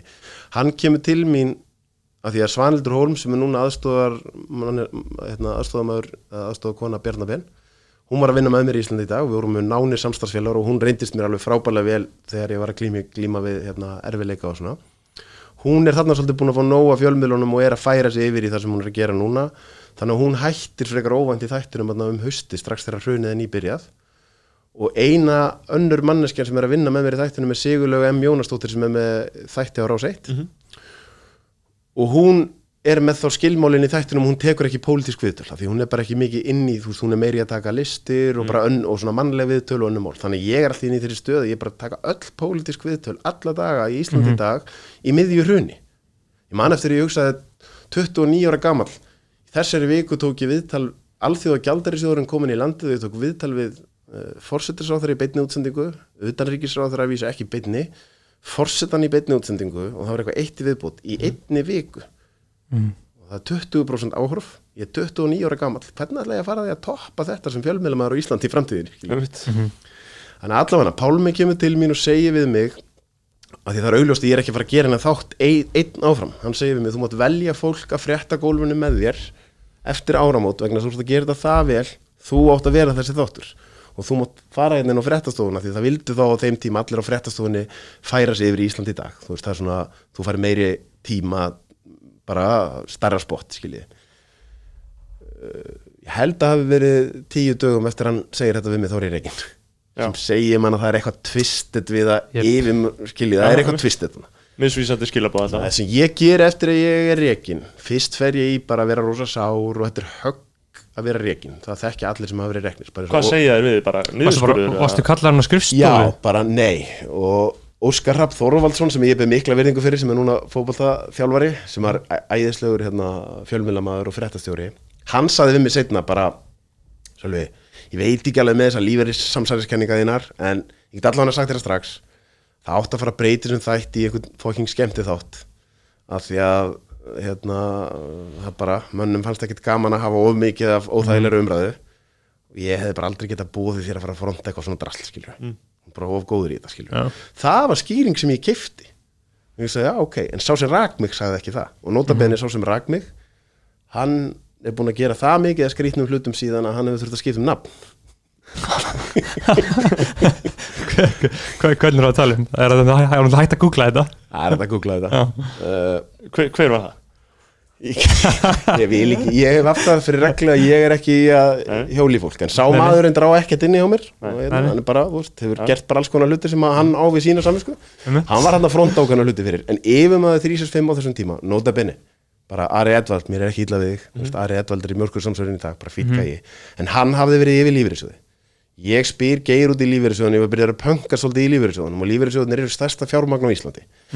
Ég fæ það staðfest eftir í rekina því þá fer ég bara mitt solo mission bara ég er að fara að vinna áfram í fjölmjölum ég hitti alla einslega. Og nú er ég ekki að fara að leka neina úr þessum engasamtölum en ég hitti Jón Ásgeir, Björgól Tór, Davíð Oddsson uh, Ingibjörgur Sólrunu, Geir Horti það voru allir til í að hitta mig. Og því ég bara ég ætla allavega að sækja info frá okkur öllum til þess að reyna að skilja hvað var að gerast inn í runinu ef ég er að fara að halda áfram í fjölmjölum og ég tók líka samtöl við alla fyrirverandi fréttastjórun og þá fæ ég allt í einu staðfest að það hafi bara verið ítrekkað rætt um, heyrðu, bara hvað var í gangi þarna, hvernig og fyrirverandi fórsetis á þeirra þjóðarina það er endar það eina sem ég leg úr enga samtali að því ég sé ekki alveg hvernig þetta trubla hann rosalega en ég gerði það í mínum eigin þætti þannig ég get alveg skert það hér líka. Að Geir Hortes segi við mig, það var hringt í mig korter eftir þessi þáttu var búinn af yfirmanni, held að sé landsamtaka lífeyrissjóð og hann spyr mig hvaðan hefur þessi strákur þessar upplýsingar. Þegar yfirmaður landsamtaka lífir þessu og það ringir í fórsetis og það kortir eftir eitthvað viðtalið búið þá ertu farin að hitta einhverja skrýtnastrengi sko. Jep, þannig að ég held ég sé ekkert í svakalegum samsæriskenningum þegar ég segja að það var þægilegt að losna við mig. Já, en ég ætla ekki að fara að segja sko, veist, ég ætla ekki að fara að ganga og langt í að síðan getur líka bara vel verið að hafa átt að breytis í skemmti þátt og eitthvað bla bla skiljiði Mhm. en uppsögnum mín var förðuleg hérna þarna misti ég sakleysi mitt sem fjölmiðlamæður því þarna fattaði ég sem ég reddi svolítið við Mikael Mhm. ég get verið sem fréttamaður að halda að það séu rosa veggir á milli rítstjórnarinnar og bladamannana og það sé enginn að hafa áhrif á mig en ég veit ekkert hvað er í gangi á baka tjöldin. Ég er aldrei búin að sita fundi með eigandunum þar sem er verið að segja heru, þessi, ég veit ekki alveg með hann þessi það þarf aðeins að tósa hann niður skilji ég ætla ekki að fullera hvernig þessi samtölu á sér stað því svo er svo gott sem að Mikael segir eins og hann segir til þess að verja þá. Hei, það verður að vera hægt að segja mannamál í bakarbergjana ég á hann fjölmiðil, ég verð ekki að já. opna mig skiljur við og ef mér finnst einhver vera rángri leið þá verður ég geta sagt án þess að segja já, þú er gæðin sem vildi við Já, aftur, ég, það er ekki svarkviti í þessu. Nei, veist, og ég hugsa líka alltaf, þú veist Akkur í fókanum ætti einhver að eiga fjölmiðl Þú veist, akkur heldur fólk á Íslandi stundum Mhm. Það er auðvitað ástæða fyrir að allir eiga Já, já. Já, já. Það er bara, ég skil ekki í hvernig dag, fólk getur ímynd í dag eða sem sagt Já. auðvitað er alltaf ástæð og var líki í fortíðin alltaf, Já, já. en ástæðan í fortíðinni var aðeins heiðalegri Var stundum, já, Já. var stundum að græða pening eða, eða þá kannski hugsanlega að skapa einhverja líðræðslega umræði en ég held að það hafi ekki vakað fyrir mörgum eigundu fjölmiðla allar götur nei, en samt það voru, það voru á, það var ákveður svona prestíts á gullöld ákveðina fjölmiðla sérstaklega blaða að vera svona, ég er eigandi fjölmiðils og ég er svona, Já. ég vil vera réttlátur eigandi sem leifi blaðamennunum að vinna sína vinnu vegna þess að ég er að græða pening þá þarf ég ekki að vera aðast í þeim, skilur við og þeir sem ég tala við sem eru eldri í fæin en ég segja að það voru eigendur sem raunverulega vildu vera að reka flotta líðræðislega umræðu og það Já. var eitt af markmiðunum þeirra, skilur við. En hver átti 375 nákvæmlega þetta? Jónas Geir. Jónas Geir, já. Sem nota benni aftur bara og allir þessi gæjar eru velkomnir í þátti minn sko. ég er mikið til í að fá Jónáskir í þátti minn og ég hef Hann er hitt- geggjaður í viðtölum. ég hef hitt Já. Jónáskir eftir að ég var rekin og Jónáskir sagði við mig þá skilur bara hei, þú er flottu fjölmiðlamaður vilt ekki koma inn aftur skilur þú veist, Jónáskir bara er ekkert, ekkert slemt um hann að segja nema bara þessum tíma þú var að ég í sár út í þá sem voru að reyka mig sko. En Jón Ásgeir er sko, ég var að horfa einmitt líka á einhverjum YouTube-rúndi á viðtal við Egils Helgason við Jón Ásgeir já, Það er epíst viðtal sem er á YouTube, mæli með því, það er bara Jón Ásgeir Og Jón Ásgeir situr svo fucking góðu fyrir svörum, hann er svo róður. Hann er svo yfir, ég er bara, eitthvað, what the fuck, hvernig getur þú lift Agli Helgason að segja þetta við og ég ætla að gera smá talsmaður núna fyrir einn af þeim mönnum sem að voru já, þjóðin hérna var ekkert allt og hrifin að þeim en þeir voru allir settur undir sama hatt, útrásavíkingatir mm. ég ætla aðeins að gera smá talsmaður fyrir Björgól Tórina sko. mm. Að, já, vegna þess að hann var allan tíminn að reyna að benda á ég er með business í útlöndum ok, ég er líka tengdur Íslandi en ég er að gera þetta öðruvísi hluti heldur en maður gera sem hinum þegar þetta ferli verður allt gert upp þá er enginn að fara að setja mig í fangelsi það er engin rannsóknarskísla alþingi sem segir að ég sé gægin sem að á að vera inn á litlarunni kom það ekki svolítið bara ljós Mm. það voru aðrir sem enduðu fyrir dómi það voru aðrir og það er ekki að því að það gildi ekki sömu lögum hann eins og hinna, það er vegna þess, jújú, þú getur alveg fært rauk fyrir því að Björg Ólu Tór hafi gert eitthvað sem var siðferðilega vafasamt, en hann var réttu megin við lögin, Mhm. sem sömur voru bara ekki Nei, nei. Ég er náttúrulega hefur svo fokkin litla þekking á því, ég já, get bara ekki ég, það, ég var bara 14 ára annars sko Það er svo erfitt það sko er örgulega svolítið erfitt þegar þú ert bara útrósavíkingandur eru þessir. Já. hér er spaukstofan í hverri viku með 50% áhorf að því hún, og spaukstofan segir bara útrósavíkingandur eru allir eins. Þannig að þjóðin var bara svolítið þið eru skúrkarnir og þið eru allir eins. Hann var alltaf að reyna að segja ég er ekki alveg eins og þeir vegna þess að ég, Akkurat. þú veist, ég hef verið að eins og ég sé business þá gengur business út á að kaupa fyrirtæki og selja fyrirtæki með hagnaði, ekki kaupa fyrirtæki og skuldsetta það og skuldsetta svo fyrirtæki sem ég kefti með skuldsetningun og Já. ég bý aldrei til neitt pening. Eins og var mótali hjá Böks Group og öllu Akkurat. búlsitt, bara að kaupa á skuldsett út í raskat þannig að þú settir þetta bara í þrótt þannig það, að, það, þannig að það er líka það sem er mikilvægt fyrir bladamenn það er þegar að koma svona tímabil þar sem að allir eru á einni skoðun að vera til í að skoða getur verið að sé þarna einhver sem er rétt mæta punta. Nei, hann er bara vondu gæi, skilur Já, ég er, ég er alveg samanlega svo svart hvita og ég, sko, ég veit ekki, ég ætla ekki að segja að, þú veist, þetta er eins og bara, þetta er náttúrulega, er rosalega hættulega slóði sem hann fer inn á. Þegar maður segir skilur, þú veist, að ég hef verið að tala hérna um Trump eins og hann sé alveg jafn slæmur og Biden skilur, þú veist, sem mér finnst í mörgum tilliti, sem mér finnst að þið vera finnst bætin jafnslæmur og trömm Já, mér finnst þið bara sama sömu móða fokkarinnir og, að- og að ég geti haft gamara ímsu sem Sigmundur Davíð segi og mér finnst ég bara, mér finnst ég bara ekkert vera svakalega shake, ég skil ert að fara en Já, sko, það en sem ég ég vorken fólk, fólk vill ráðast á mann þegar maður segir það, en þetta, sko. va ma- vandamálið núna er að ég vorkenni svo bandaríkjumunum fyrir að þetta séu valkostinni þeirra. Já, já, ég er ekki að segja þessi hrifin að Trump þegar ég segi valkosturinn við hann er ekki góður. Biden er bara að horfa á Hann er mannin Hann er að deyja. Það, það, er bara, það er ekki bara hann heldur er það líka bara fyrsta sem hann segir núna ef að ég væri, fyrsta skipti sem hann tjáir sig af alveg í einhvern langan tíma og segir hann ef ég væri fórsetið þá myndi ég leggja til að allir bandaríkjamenn eigi að vera með grímu alltaf þegar þeir eru lapp út úr húsi næsta hálfa árið. Eitthvað, come on man, come on man. Það er helvíti harkaleg rálegging sko. Já, já, Já, og hann er, helvíti hörð skerðing á, mannfri, á, á hérna, mannréttindum sko. hann ég er er búin að prófa að vera með þessa grímur. Það er ekkert skemmtilegt Ég var í klippingu Já, daginn ég, með grími, ég, ég ég, fílaði ég, ekki ég, shit ég var í sko. klippingu bara áðan sko og um Af því grímu það, það er einmitt, fólk sem er að tala sem mest um grímundar enn á Íslandi og ákveðni fjölmiðlamenn á þess að ég ætla að vera nefna nöfn eru doldið mikið búin að tala eins og þeir vilji bara helst að allir séu með grímur mm. Mjögur búin að prófa því ég er búin að vera að fara í flug og dót þar sem ég þurfti að vera með grímur. Hvað gerist þér út með þessa grímu á andletinu? Hún er óþægileg, þannig að þú byrjar að fykta endalaust í andletinu þér. Já, með fingur sem eru búin að vera út um allt. Já, já. Aftur, það er ekkert svartbít, getum við fullirt að gríman sé öruglega að gera meira gagn en ógagn. Já, Þetta, er alveg sama og það segja með mér- mér skadinn sem en að mér- miðalík gerur Já, já, þetta, þetta er hugmynd, en mér heyri samt að grímundar eigi að vera góða smittallega Já, að sjálfsögðu, að að sjálfsögðu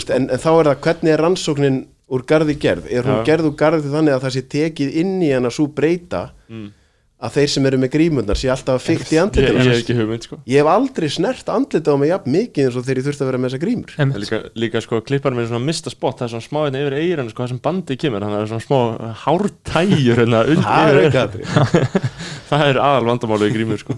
Einmitt. Þarna, en uh, já, þið segið það maður Já, tveir já. góðu. Einmitt, við Eh, erum góðnir að heildi góða en hérna er eitthvað sem að þú ert, þú ert rappgur, eða ekki? já, Hvað ert að hlusta á?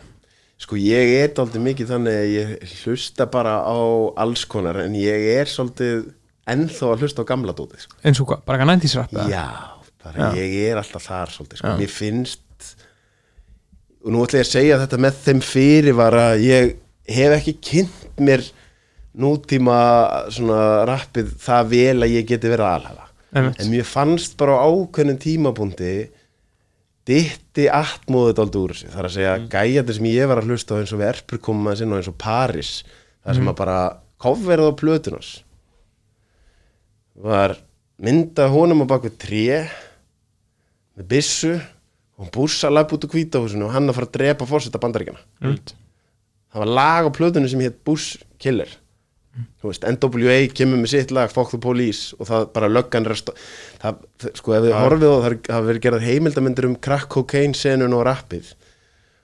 Þessi gæjar voru með svo mikil samfélagslega skilabóð og Já. það var það sem ég hérna, hvítur, hvítur einhverfur unglingur á Íslandi ég elskaði svo mikið einhvern veginn þessa reyði þetta attitude ég held að það sem fólki finnist vant að sé kannski mitt uh, í þessu samingi bara uppreisnin sko. Að, en, að en, þú veist, ég en, þú veist, þú finnur hana bara í mismunandi ma- maður verður bara að leita sko, Algjörlega, bara, og ég hef alveg, alveg dottið inn á einn og einn nýjan já, sem ég veist, og líka bara ný, nýju hérna bara í íslensku rapsennunni, þú veist, ég bara dyrka herra hnetursmjör og mér finnst þessi gæði geggjæðir, sko. einmitt, einmitt að þetta er, þú veist, það er alveg þetta, þetta pólitíska og þessi barátta er alveg til sko, maður Já. bara, þú veist En mínir menn í fortíðinu, svo ég svari þeirri spurningu, voru sko, ég var hérna, það var austuströndin og vestuströndin, sko, einmitt, og ég hérna var dálítið mikið í austuströndinni fyrst, þannig að hérna Mobb Deep og Nas og síðan, síðan hérna fór ég dálítið með Dr. Dre þegar hann,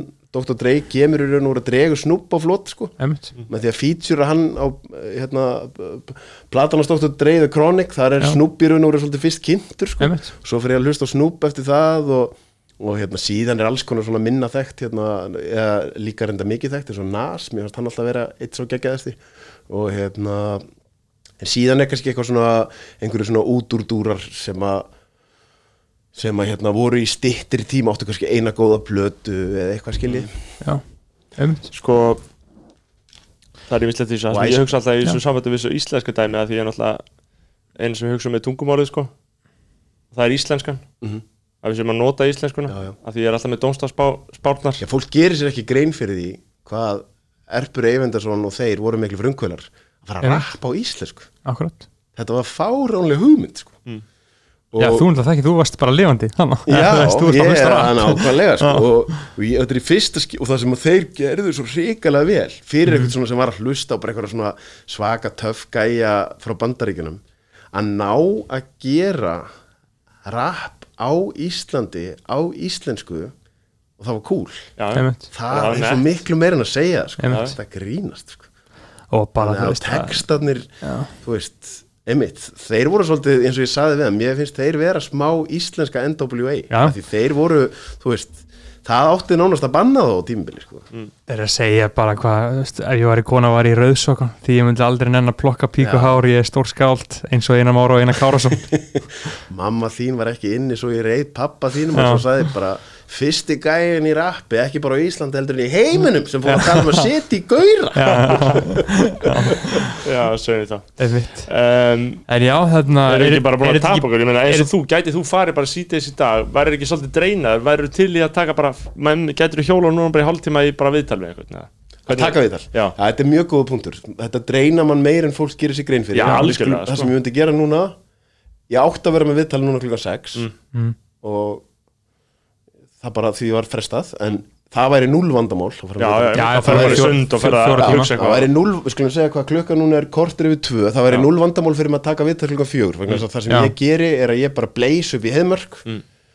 hlusta aftur bara á okkar podcast eða tónlist og tek einn og hálfan tíma þar sem ég bara er ekki að taka síma næmir aðeins niður og þá er ég bara Já. klári að geta sest fyrir framann einhvern veginn og tekið viðtal en auðvitað þarf ég líka að undirbúa sko. einmitt, maður þarf aðeins að endur næra sig sko, að þetta er svona alveg, þú veist við höfum- við myndum vera að gera það um að vinna eiginlega vinnundag 9-5, komum beint hinga 5.30, Já. taka viðtal það, það, verður, verið það verður brúkast, ekki sko. af gott sko einmitt maður á Við frekar að gera á kvöldin Við sko. höfum tekið daga þar sem að fer sko 9 til 5 mæti síðan tekur viðtal, skilur 5 til 7 og síðan er annað viðtal um kvöldi bara því við þurfum að framlega sitt skilur. Ég að það er koma fakt- með eina hliðarsögu sko, hérna, þegar ég var settur yfir Ísland í dag sko, þá, hérna, þá var ég, þá komin þessi tímon hérna, þetta stimplinn tíman og eitthvað og það var svona eins og að ég væri ykkur í yfirmennan að passa alltaf að fólk væri við skrippborðið sitt sko. Mm. og þá hafði ég unni nógu lengi sjónvarpil til þess að ég man að ég sagði við þegar þennan stutta tíma sem ég er yfir þetta þá sagði ég ég vil að við vinnum þetta þannig að þið með ég setja snör um hálsin á mér ef ég er að rittstýri sem tætti uh, þið kippið ekki í þessu snöru ef þið sjáu eða fólki mitt er ekki í tölvunni klukkan þrjú og það er engin við eða eitthvað, þið megi bara kippa í þessu snöru ef að það sem byrtist í sjónvarpin er ekki nóg gott.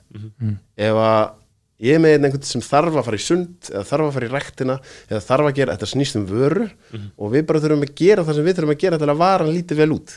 Og það þarf ekki að vera það snúist um að sitja átta klukkutíma við eitthvað skrippbort sko. En þetta er, við erum svo rosalega föstu í þessu ennþá í Íslandi, í öllum vinnustöðum. Þetta er ennþá bara Ég veit. 8 klukkutum á dag, þú mætir og þú ert. Mesta fucking bullshit sem ég veit um. Þegar ég vil freka kannski bara vakna, fara í gymmi, fara í sund og síðan bara allt í klukkan 2 bara, ok, nú er ég til að vinna í 10 Einmitt, tíma þetta er nútíminn sko. já, já, og við ráðum þessu sjálfur, það er ekkert vandamál. Þetta er byltingin. Já, þetta er bylting 2028, þá er bylting. Þetta er fallið bylting, er það 2028? já, það ekki, hvað bylting verður þá? Bara, sem, bara þú veist síkardilísk, sósialísk við getum reynda að tekja annan þátt hérna um, um, um samsæriskenningar sko, því það er, það er ólíkt í hvað átt fólk heldur að byltingar þar sé að fara sko. Já, ég veit þeirri sko, þetta er mjög óli og við erum með, þetta hljóðum bara eins og samsæðiskenning við erum að tala, þú veist, 2028 skilur við, hvað, hafa ekki alla byltinga verið 8, skilur við Jú, 1918 bolseganir 1798 fra, frakla bastilan skilur við, við erum að tala um eitthvað svona þarna verið ég, 2008 hrunið, já 2008 Hvað er hérna, þið sögðu að hún hefði verið í 2 tíma og 25 mínútur Var það djamþáttur? það var, Já. sko, ég var fullur þegar ég með, ég ætla að sekka hann hérna, en við erum svo góðum gýr, ég er svo slagur sko og, og það sem ég líka að tala um sko, 2028 sko, þá verði ég hérna, líka at the height of my powers sko, 33 ára, Já það er ekki best aldurinn eða? 28, jú, það er frábær aldur Er það ekki príma aldur fyrir Ég kallmann? reyndar, Já. jú, 100% En ég reyndar hef alltaf verið með þessa Ég er leit blúmer, sko Já, Og ég hef alltaf verið með þessa tilfinningum að ég muni toppa einhvern tíman um og upp úr 50, sko. Hvað Nei, er gaman nákvæmlega? Núna? 41 41 Og ég er samt, ég veit ekki, þið sjáu það alveg á fasinu mínu. Ég er, mér líður eins og ég sé miklu yngri, sko. Já, já, mitt, þú, þú getur hreiftu úr þess Já, bara er einhvern veginn, þú veist vera, og, og það er að vera opinn fyrir að explora, vera opinn fyrir þú veist, jú, jú, það geta komið einhverja rukkur á mig og það getur eitthvað breyst í svona physical appearance en ég þekki fólk sem er sko yfir 60 sem er sko meira sparkling lifandi heldur en mjög margir sem ég þekki sem eru 25 ára sko. já, vegna þess að það er ennþá með hennar lífsþorsta sko. hafa gaman að lífinu hafa eitthvað sem þeir langar að vakna um mótnana fyrir og allt þetta sko. þannig að ég er líka einhvern veginn mér finnst hérna, svo- það hvernig maður að því ég er líka bara varandi heilsupælingarna mínar þá er ég byrjað að skilja það svo mikið hvað, það hvað ég er að láta heilan í mér selja mér Já. það hefur áhrif á frumunda mínar sko. Mm. þannig að ég ef að ég bara, mér líður eins og ég sé og það er búið að gera rannsóknir á þessu sem eru styrlaðslega áhugaverðar það hefur verið tekin hópur af svona í mjög einföldum máli hópur af karlmönnum á áttræðisaldri og þeir voru teknir í x margar vikur og látni gera allt það saman og þeir gerðu þegar þeir voru tvítir. Hlust á sömu tónlist, keira sömu bíla eiga sömu samtöl. Svo eru gerað blóðpröfur á þeim eftir hennar tíma og það er allt búið að yngjast í þeim. Það er allt orðið betra að ég held að þeim maður hérna að gera því þegar þú hlutina spyrð mig hvað ertu gamall og ég segi þessa tölu þá finnst mér rosalega há. Og það er bara 41. svona, wow, hérna, að því mér líður bara mér líður eins og ég sé að vissuleiti yngri en þegar ég var 28 ára gamall í jakkafötum stífur að spyrja eitthvað stjórnmálamann sko. Þá er maður Frjáls. alltaf það er er miklu frálsari sko. Já. en það er ákveðin hlutverka leikur það er það, skilur að vera Min- minnur að vera í jakkafötunum og Nei, já, að vera í jakkafötunum og, Kjólfætt kúur hans og vera í einhverjum svona kjólföt kúa sjá góður. Sko, að vera í jakkafötum og vera eitthvað svona láta sem að sé hlutlaus eitthvað já, einmitt. skilur vegna var líka svona fjölmiðla hérna, Larry King var spurður hann var búin að vera með þættina síni held ég 30-40 ár hver á að taka við að þér sko? og þá hugsa maður að það verður að vera eitthvað svona alvarlegur eitthvað og þá sagði hann Ryan Seacrest sem að var alltaf að hósta Amerikan. Idol sko. ha, okkur vegna þess að það er svo ógeðslega flókið að gera skemmtilegt sjónvarsöfn og gera það vel það er miklu auðveldur að sitja í einhverjum jakkafötum og spurja nokkra spurning og allir haldur sér rosalega klár sko. þú ert ekki að gefa raskat að þér sko. Hver tók við það, Larry King? Það var Pírs Morgan, Piers hann, var, Morgan. hann var skamlífur af því bandaríkjumennir, hann bæði var hann, Hann ekki, hann var ekki góður í Solari King og síðan fór hann inn í gun control umræðina alveg að fullu forsi sem Evrópumæður og Einmitt. bandaríkjumennir voru ekki hrifnar af því sko. Hef, hef, fylg, Fylgist eitthvað með Conan O'Brien? eða? Aðeins Já, hann er með podcast sko. Já, já, Það er heldur gott sko, hann fór úr late night eða gerir það ennþá sko. Já, það er að tekka á því. Og hann talar einmitt um munni sko, þá er hann bara að tala við fólk sko og bara geggjaði gestir, skilur þú veist, bara eitthvað, þú veist, Jim Carrey var hjá hann um daginn og bara svona allir sem að vill helst já, sko, þú ert með þessa reynslu að þú ert með þetta tengslanett sko. já, Þú veist, hann, hann er alltaf búin að vera að taka viðtölu og fá gesti svo lengi að það Mhm. hérna vinnur með honum sko. og þá er það oft bara, þú veist uh, þeir eru að hafa saman já, við förum, bara hvernig sem við vilja skilur þetta er svolítið eins og þegar ég tók viðtalið við Lóga Bergmann um daginn, þá hugsaði ég að því ég tel mig alveg vera m- á mjög háu level á Íslandi í að fá fólki viðtal. já, já, En ég sagði, Lógi er svona einn af fáum gæjum sem getur mögulega náð einhverjum í viðtal sem ég næ ekki í viðtal. Sko. já, Og það er ekkert annað en bara reynslan, skilur. Það er bara, bara búin að vera nógu lengi í þessu.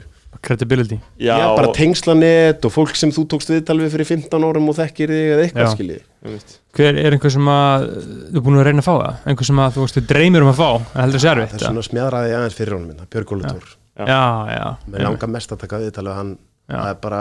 Já. já, já, Já. ef hann hlustar, hérna, nei, af því að ég, Björgur og Þór hlustar inn á tvo klukkutíma og nýju mínútur að skoða bara Nei, ef að þið ekki- aldrei. getið þið ekki að láta hljóðklippa núna aðeins man- manipulation Jú, þið láta hljóðklippa þetta brot og sendi mér það. Já, ég skal plugga þáttin ykkar Já. já, með því að setja það í loftið og ég skal, ég DM að Björgól og Instagram með klippinni sko. ég er svo mjög vel það hljóða mjög vel sko.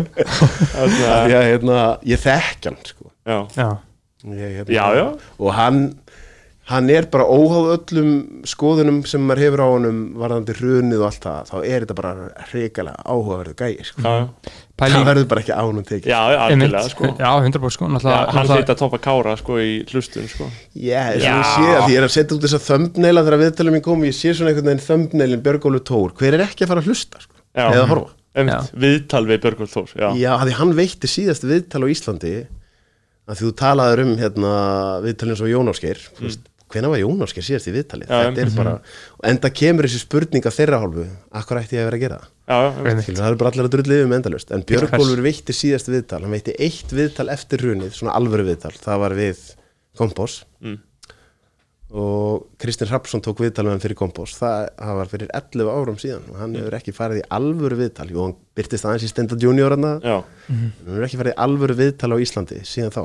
Það er fokkin fyndið með um, En það var rosalega að sjá það maður. Já, og svo, er, og svo, jú, svo verið að nefna ég hef, hef kynja hlut svolítið jafn Mér langar mjög mikið að fá Björk í viðtal og hún er einn af örfáum einstaklingum sem að mér tókst heldur ekki að fá hann í viðtal þegar ég var með spjalláttum minn á skjá einu. Þanga fekk ég það voru tveir einstaklingar sem ég fekk ekki þangað sem ég virkilega langað að fá af því á þeim tíma var ég ekki að pæla í Björgólfi. Mm.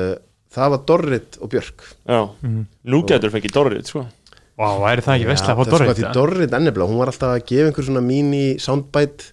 Eitthvað að vera að opna eitthvað á eitthvað krútlegt en Dorrit er áhugaverð kona sko. Já, já, já, já, bara einhverju de, eitthvað erfðir bara- sko bara eitthvað Jeffrey mér var, Epstein mér var sagt það sko. ítrekka eftir hrunið að það væri engin á Íslandi og engin Íslendingur nálagt því að eiga tengslanetti sem Dorrit er með Mhm. og mér var sagt af, af einstaklingur sem þetta ekki mjög vel til ef að Dorrit myndi hendi í hádegismat á morgun þú trúir ég ekki hvaða fólk hún myndi fá í hádegismat. Já, Einmitt. Það er svo episk pæling Það var náttúrulega þessi sæðilegi listi á þetta sem voru í hún var í, símaskráni hjá hún var í sínumaskránu Epstein sko. Já, hún var í síma það? Já, já, hún að fara á Epstein Island eða? ég Nú vona veit ég ekki, vonandi ekki en Clinton náttúrulega sagðist að það farið eitthvað 30 sinni með honum í flugvél og eitthvað sko. Bill Clinton er náttúrulega ekkert nefn að banna henni yngur sko. Þú veist. Menn hljóta að vita það sko, við skulum allavega orða að þannig að hérna, það er kannski það sem að, aftur, svo ég kom aftur að byrjuninni með mikilvægast af stjórnmálamenn er að vita hvað þú hefur Já, það er mjög auðvelt að horfa á Donald Trump og segja shit hvað ég þólið ekki. En þá er ég allavega með valkost ég ætla ekki að kjósa þig. Já, Bill Clinton var úlfur í sauðagæri sko. sko, hann er búin að fá einhvern veginn svona hvern reyfinguna með Já. sér en samt var hann bara að misnota konu og skilur, Já. hvaða fokking rugl er og, og, og við erum meira þess að tala um það sko, ég myndi ykkur það, náttúrulega þekki allir smá svona söguna um Bill Clinton og Monica Lewinsky skilur, Já, já, já hún var starfsmæður í ráðunitun hans hún var tvítug. Hún var 20 Einmitt. ára gömur hún var bara seimuð um allan og, heim. hún var bara cancelled.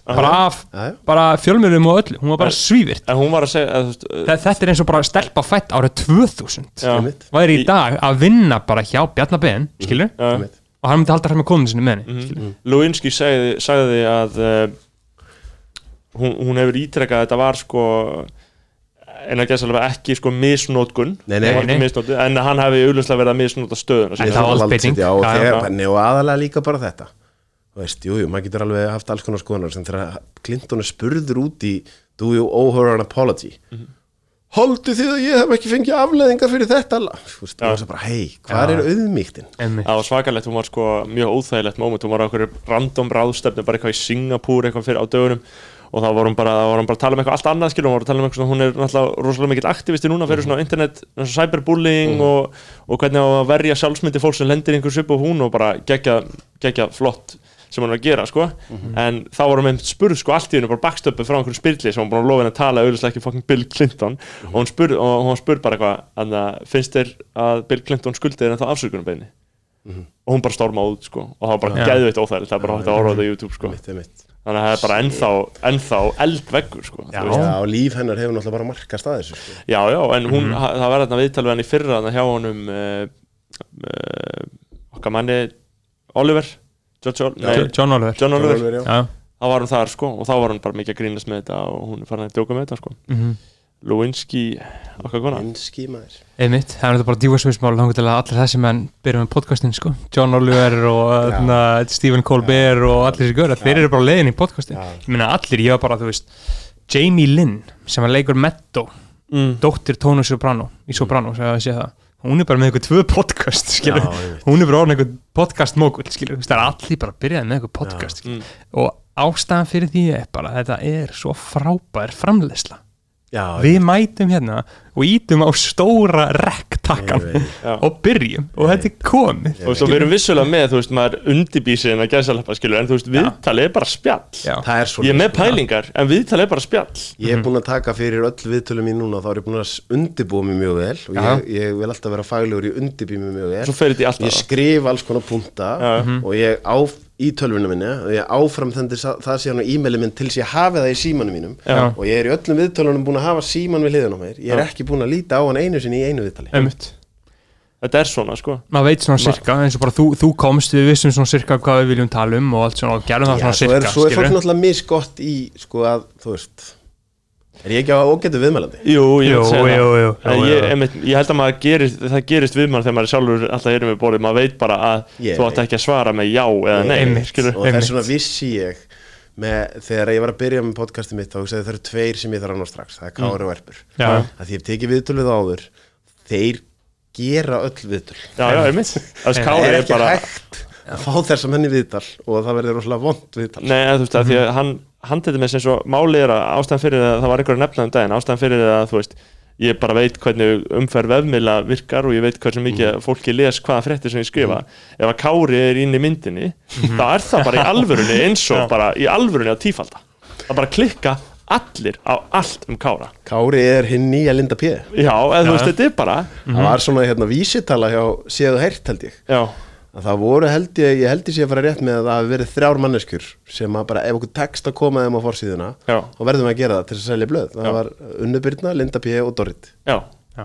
Þetta er, þú veist, en þú veist, en maður spyr eins og með Kára, skilur það er fullt af einhverju fólki í viðskiptalífin sem er alltaf í viðtölum en það er enginn að lesa viðtölum en málið er að Kári er bara fullkomlega óheflaður og hann er ófyrirsjánlega það er náttúrulega aðalmálið að hann er bara eins og, hann er svo veður. Já, hann er bara Eh, svo Trump, skilur, já. hann getur sagt bara allt í hennu eitthvað en, en þú veist, ástæðan fyrir því að það var einhver að tala um þetta, ég veit ekki hvort það hefur séð þessu umræð en það er þetta með fjármálaöflin og klíkunar á Íslandi að uh, fólk sem er bara, þú veist, í embætsmæri eða pólitíkinni, það er allt svo fucking saman skroppið og flettað í klessu af hagsmunum og tengingum að það getur aldrei sagt Nei, neitt. einmitt, einmitt. að meðan Kári er bara með, þú veist, hann er vissulega að fá einhverja peninga frá bandaríkinu, Frá það breytir ykkur fyrir hann hérna drull, sko. þannig að hann getur bara algjörlega Þetta er það sem að Beitt mér finnst Nú er ég kannski ekki alveg hlutlust að því ég er að tala sem, sem einstaklingur sem langar að fá fólki viðtal og, og að tali opinskátt. Mér finnst að við ættum sem samfélag að reyna að gera einhvers konar samfélagssáttmála um að þú mátt segja fáranlega hluti viðtölum en það mun aldrei kosta þig vinnuna þína einmitt. Af því það er bara það sem maður er að upplifa, það er allir hrættir við að segja eitthvað af því að Ha. þá geti þessi heyrt í mér og hann er ósamál og hann er forstjórin í fyrir þetta er rosalega mikið að maður þurfa að hugsa svona allir sem eru í rekstri á Íslandi bara ég get sagt að allir, eftir, ég, ég held það eins og ég les þetta, allir sem eru í rekstri á Íslandi eru komin eitthvað x langt í einhverjum rekstri, einhverjum viðskiptum einhverjum, hvort sem það er nýsköpun, viðskipti sjáarútur um, bara whatever þá vill fólk ekki styggja ráð þeirra það vill ekki styggja það sem einhvern sem gæti orðið ráð þeirra, það vill ekki styggja fólk sem er að fara þanga, fara hinga og það er bara þetta er bara alvöru ótti. Þetta er alvöru ótti sem fólk hefur Já. ég get ekki verið að segja þetta. Að þetta mun bara geta komið, ef ég gerir þetta aftur þá verður bara mun ég mæta afleðingu og svo, og svo margfaldast þetta þegar þú ert orðið ráðherra sko. Já, þá er þetta orðið bara þannig að þú mátt eiginlega ekki segja neitt sko. en það er náttúrulega na, þetta þórt þessar kolbúnadæmi, það er, eru ekki búin að fylgjast með því þarna með, jú, þessu, jú. með, þessa, með hann Æsland er hotels COVID pakka uh, hún er náttúrulega búin að fá svolítið útreið fyrir það sko. já, já. Já, hún bara, það veist, skiljanlega, skilur já og þó, en, en það eru allir að gera þetta sem hún er að gera skilur Já, ég veit það, en, en, Þetta en það er sem ekki allir að segja öðru fólki hvernig það á að gera, þetta er, mér finnst þetta meira sko mér finnst þetta expósa svolítið reglunar Mhm. að því að þannig er allir trilltir yfir í hvað hún er að gera en ef þú spyrir sjálfa þig er ég ekki búin að gera neitt sambarlegt þessu? Það eru rosalega fáir sem geta hort í speilin og sagt ég er búin að virða tveggja metra regluna frá A til Ö öllum sem eru ekki í, á, inni á mínu heimili. Það er ekki séns. Þannig að eitt er, jú ráðherrar verða að fara eftir reglum sem eru verið að setja en annað er, er reglan í lægi þetta eru svolítið tvær umræður sko. Og er sustainable að fólk fara eftir þessari reglu. Einmitt, en, en svo er rétt að áreita vegna þess í sumum löndum er einsmetra regla og alls konar, þessi tveggja metra regla varð svolítið til bara svona Já, ég, eitthvað ég hef talað við lækni sem að segja mér já, þetta getur smittast í átta metra eða þú hnerrar fast.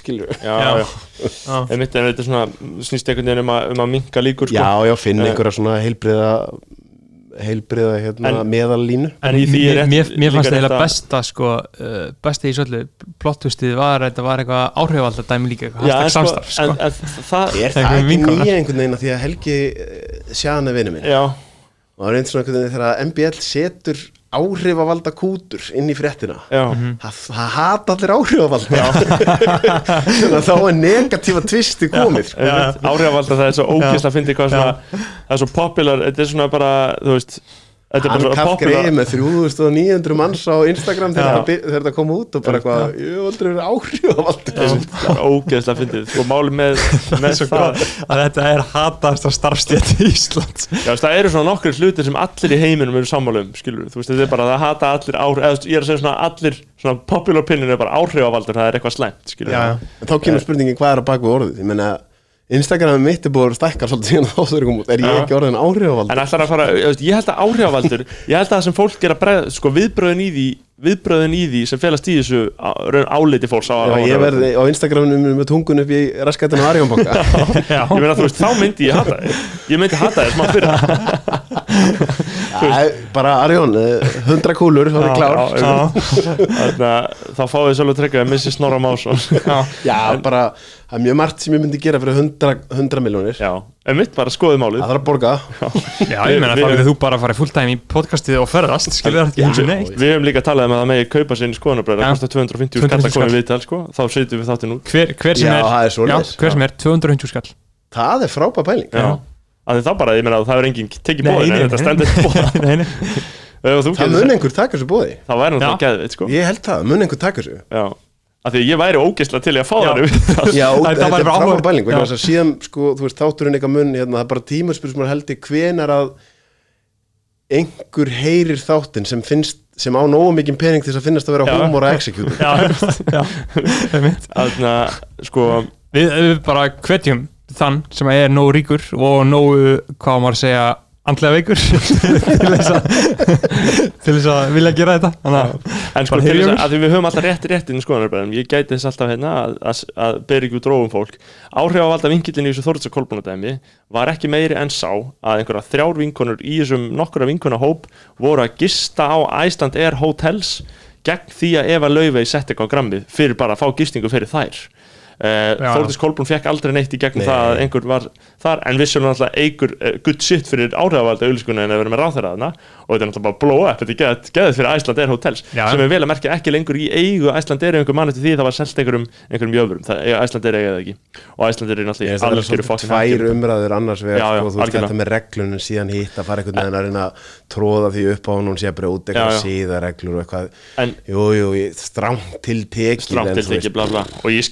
stjórnarandstæðan gera eitthvað úr úr sinni, ég nenni ekki að gera það sjálfur. En, en sko ég held að það sem við vorum að tala um í þessu áhrifaldadæmi að það hata allir áhrifalda það sem fólk hatar er ekkert fólk sem eru áhrif. Það var alltaf verið fólk, Já, sem, já, fólk í já. samfélagin sem eru áhrif það sem fólk hatar er að það sé verið að þetta nýja norm sé komið upp það sem þú mátt vera að selja fólki rusl og þú selur röddina eina þú Já. selur þína eigin rödd Já. og byrjar að segja og þess vegna er einmitt nota kannski svolítið þetta er svona svolítið einna aðeins svo vítt hugtaka því bara eins og ég taki sko uh, vitið ykkur heiðalógir já, hann er vinnu minn og hann væri náttúrulega bara áhrifavaldur risastórt Instagram og eitthvað en hann hefur aldrei gert neitt slísi skilur Nei.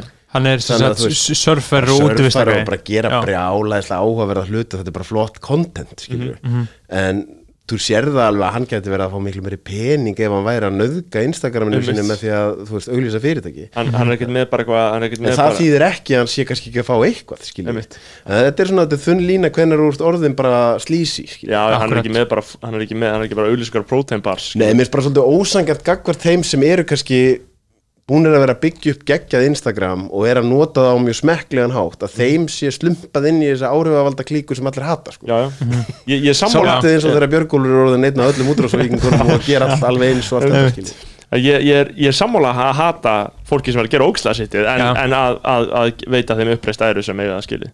Um, Nú þurfum við bara tvær drármínri að sko, því að málið er sko, við erum með, að við erum alltaf með intro í þættinu sem við þurfum Já, þannig að við sko Þetta intro komið. mun cover okkur. Já. ef við erum í uh, áttamíndur þá er sjálfur tryggja á hana lengst í þáttur lengst Það- aftur á tíma. það er mjög gott ánægð Mhm. með þetta því mín reynsla er svo að tveir mínir lengstu Já, svo kemur líka lag, sko. Já. bestu þáttunum sko. það Já. er best þettinir kemur líka lag sko. uh, og ég hvað bara lag, vilju hafa eitthvað lag, viltu hafa eitthvað lag? Þetta er eitthvað lag hafa bara eitthvað eitthvað, eitthvað 90s rap eða Já, ekki? Já, eitthvað nas. Að því er svo fallið Já, svo, Nas er flottur. eins, eins og þú aðna, uh, þú hlustar á á plötunni Il- Il- Ilmarik ég fór í Queensbridge síðust haust. Já, skoða það mér, ég fór á aðna, fór í Queensbridge og, og Bronx sorglegt með Og New Harlem. York maður, maður hugsa því ég hef alltaf verið svona einhvern veginn í love-hate relationship við New York já, og nú sýnist maður bara New York sé smá að verða að einhverju sem hún er aldrei orðið áður sko. Mjög Borgin hefur aldrei verið sett í stöðu sem hún er í núna sko. En Hvernig þá? Er hún bara bara, lélega? bara píslaðundar að skrifum og bara, sem einmitt er búin að alast upp í New York og kynslaðundar undan hún bara New York hefur aldrei verið lokað í svona langan tíma þetta er the city that never sleeps sko. Og nú er hún allt í hennu bara lokuð sko. Þetta er sorglegt sko. Já, er þetta er best, hræðilegt. besta borg heimi sko já, Ég hún er, hún er ég þóla hann ekki í oflangan tíma Já, ég, ég, En- en ég það er- var þar sko bara, na, ég fór í svona rapp bíleiknumaferð sísta haust sko geggjað. og heimsótti Æsku Emily, Biggie og Jay-Z Já. í Brooklyn og fór í Queensbridge sko Mob Deep og Nas já, og allir ég sko meina það er bara þú veist, ég skil af hverju fólk er ástfangið að York Já, sko. Brooklyn er svo, þú veist, Brooklyn er allt annað en Manhattan Já, sko, já. Veist, menn þurfa að vera í Brooklyn sko. Líka bara einhvern veginn það er ennþá nógu þú veist, bandaríkin eru það nýja það er ennþá nógu stutt síðan þetta var bara þú veist, ítalinnir sem eru á sínum stað það er rætunar eru það ennþá sko. Já. einmitt, og pólska hverfi í Queens líka, þú veist, þetta er epic sko. um, en heyrðu, sjálfið, þarna frábært að fá þig. Já, gaman að koma til ykkar þetta var alveg og gaman að koma bara til ykkar, nú bara hérna nú förum við bara, þið eru að hlusta á mig, er ekki? Ég- Jú, jú, jú. nú svo, tökum við bara stóra hlutir framöndan Gæði kaupa áskrift, hvað, er, hvað, hvað er áskriftin? Það er Fimm, tíu eða þrjátíu? 5 dólar já, kaupi Það ekki minn, raskat. kaupi minn. Kaupir þið inn og, og, og auðvitað.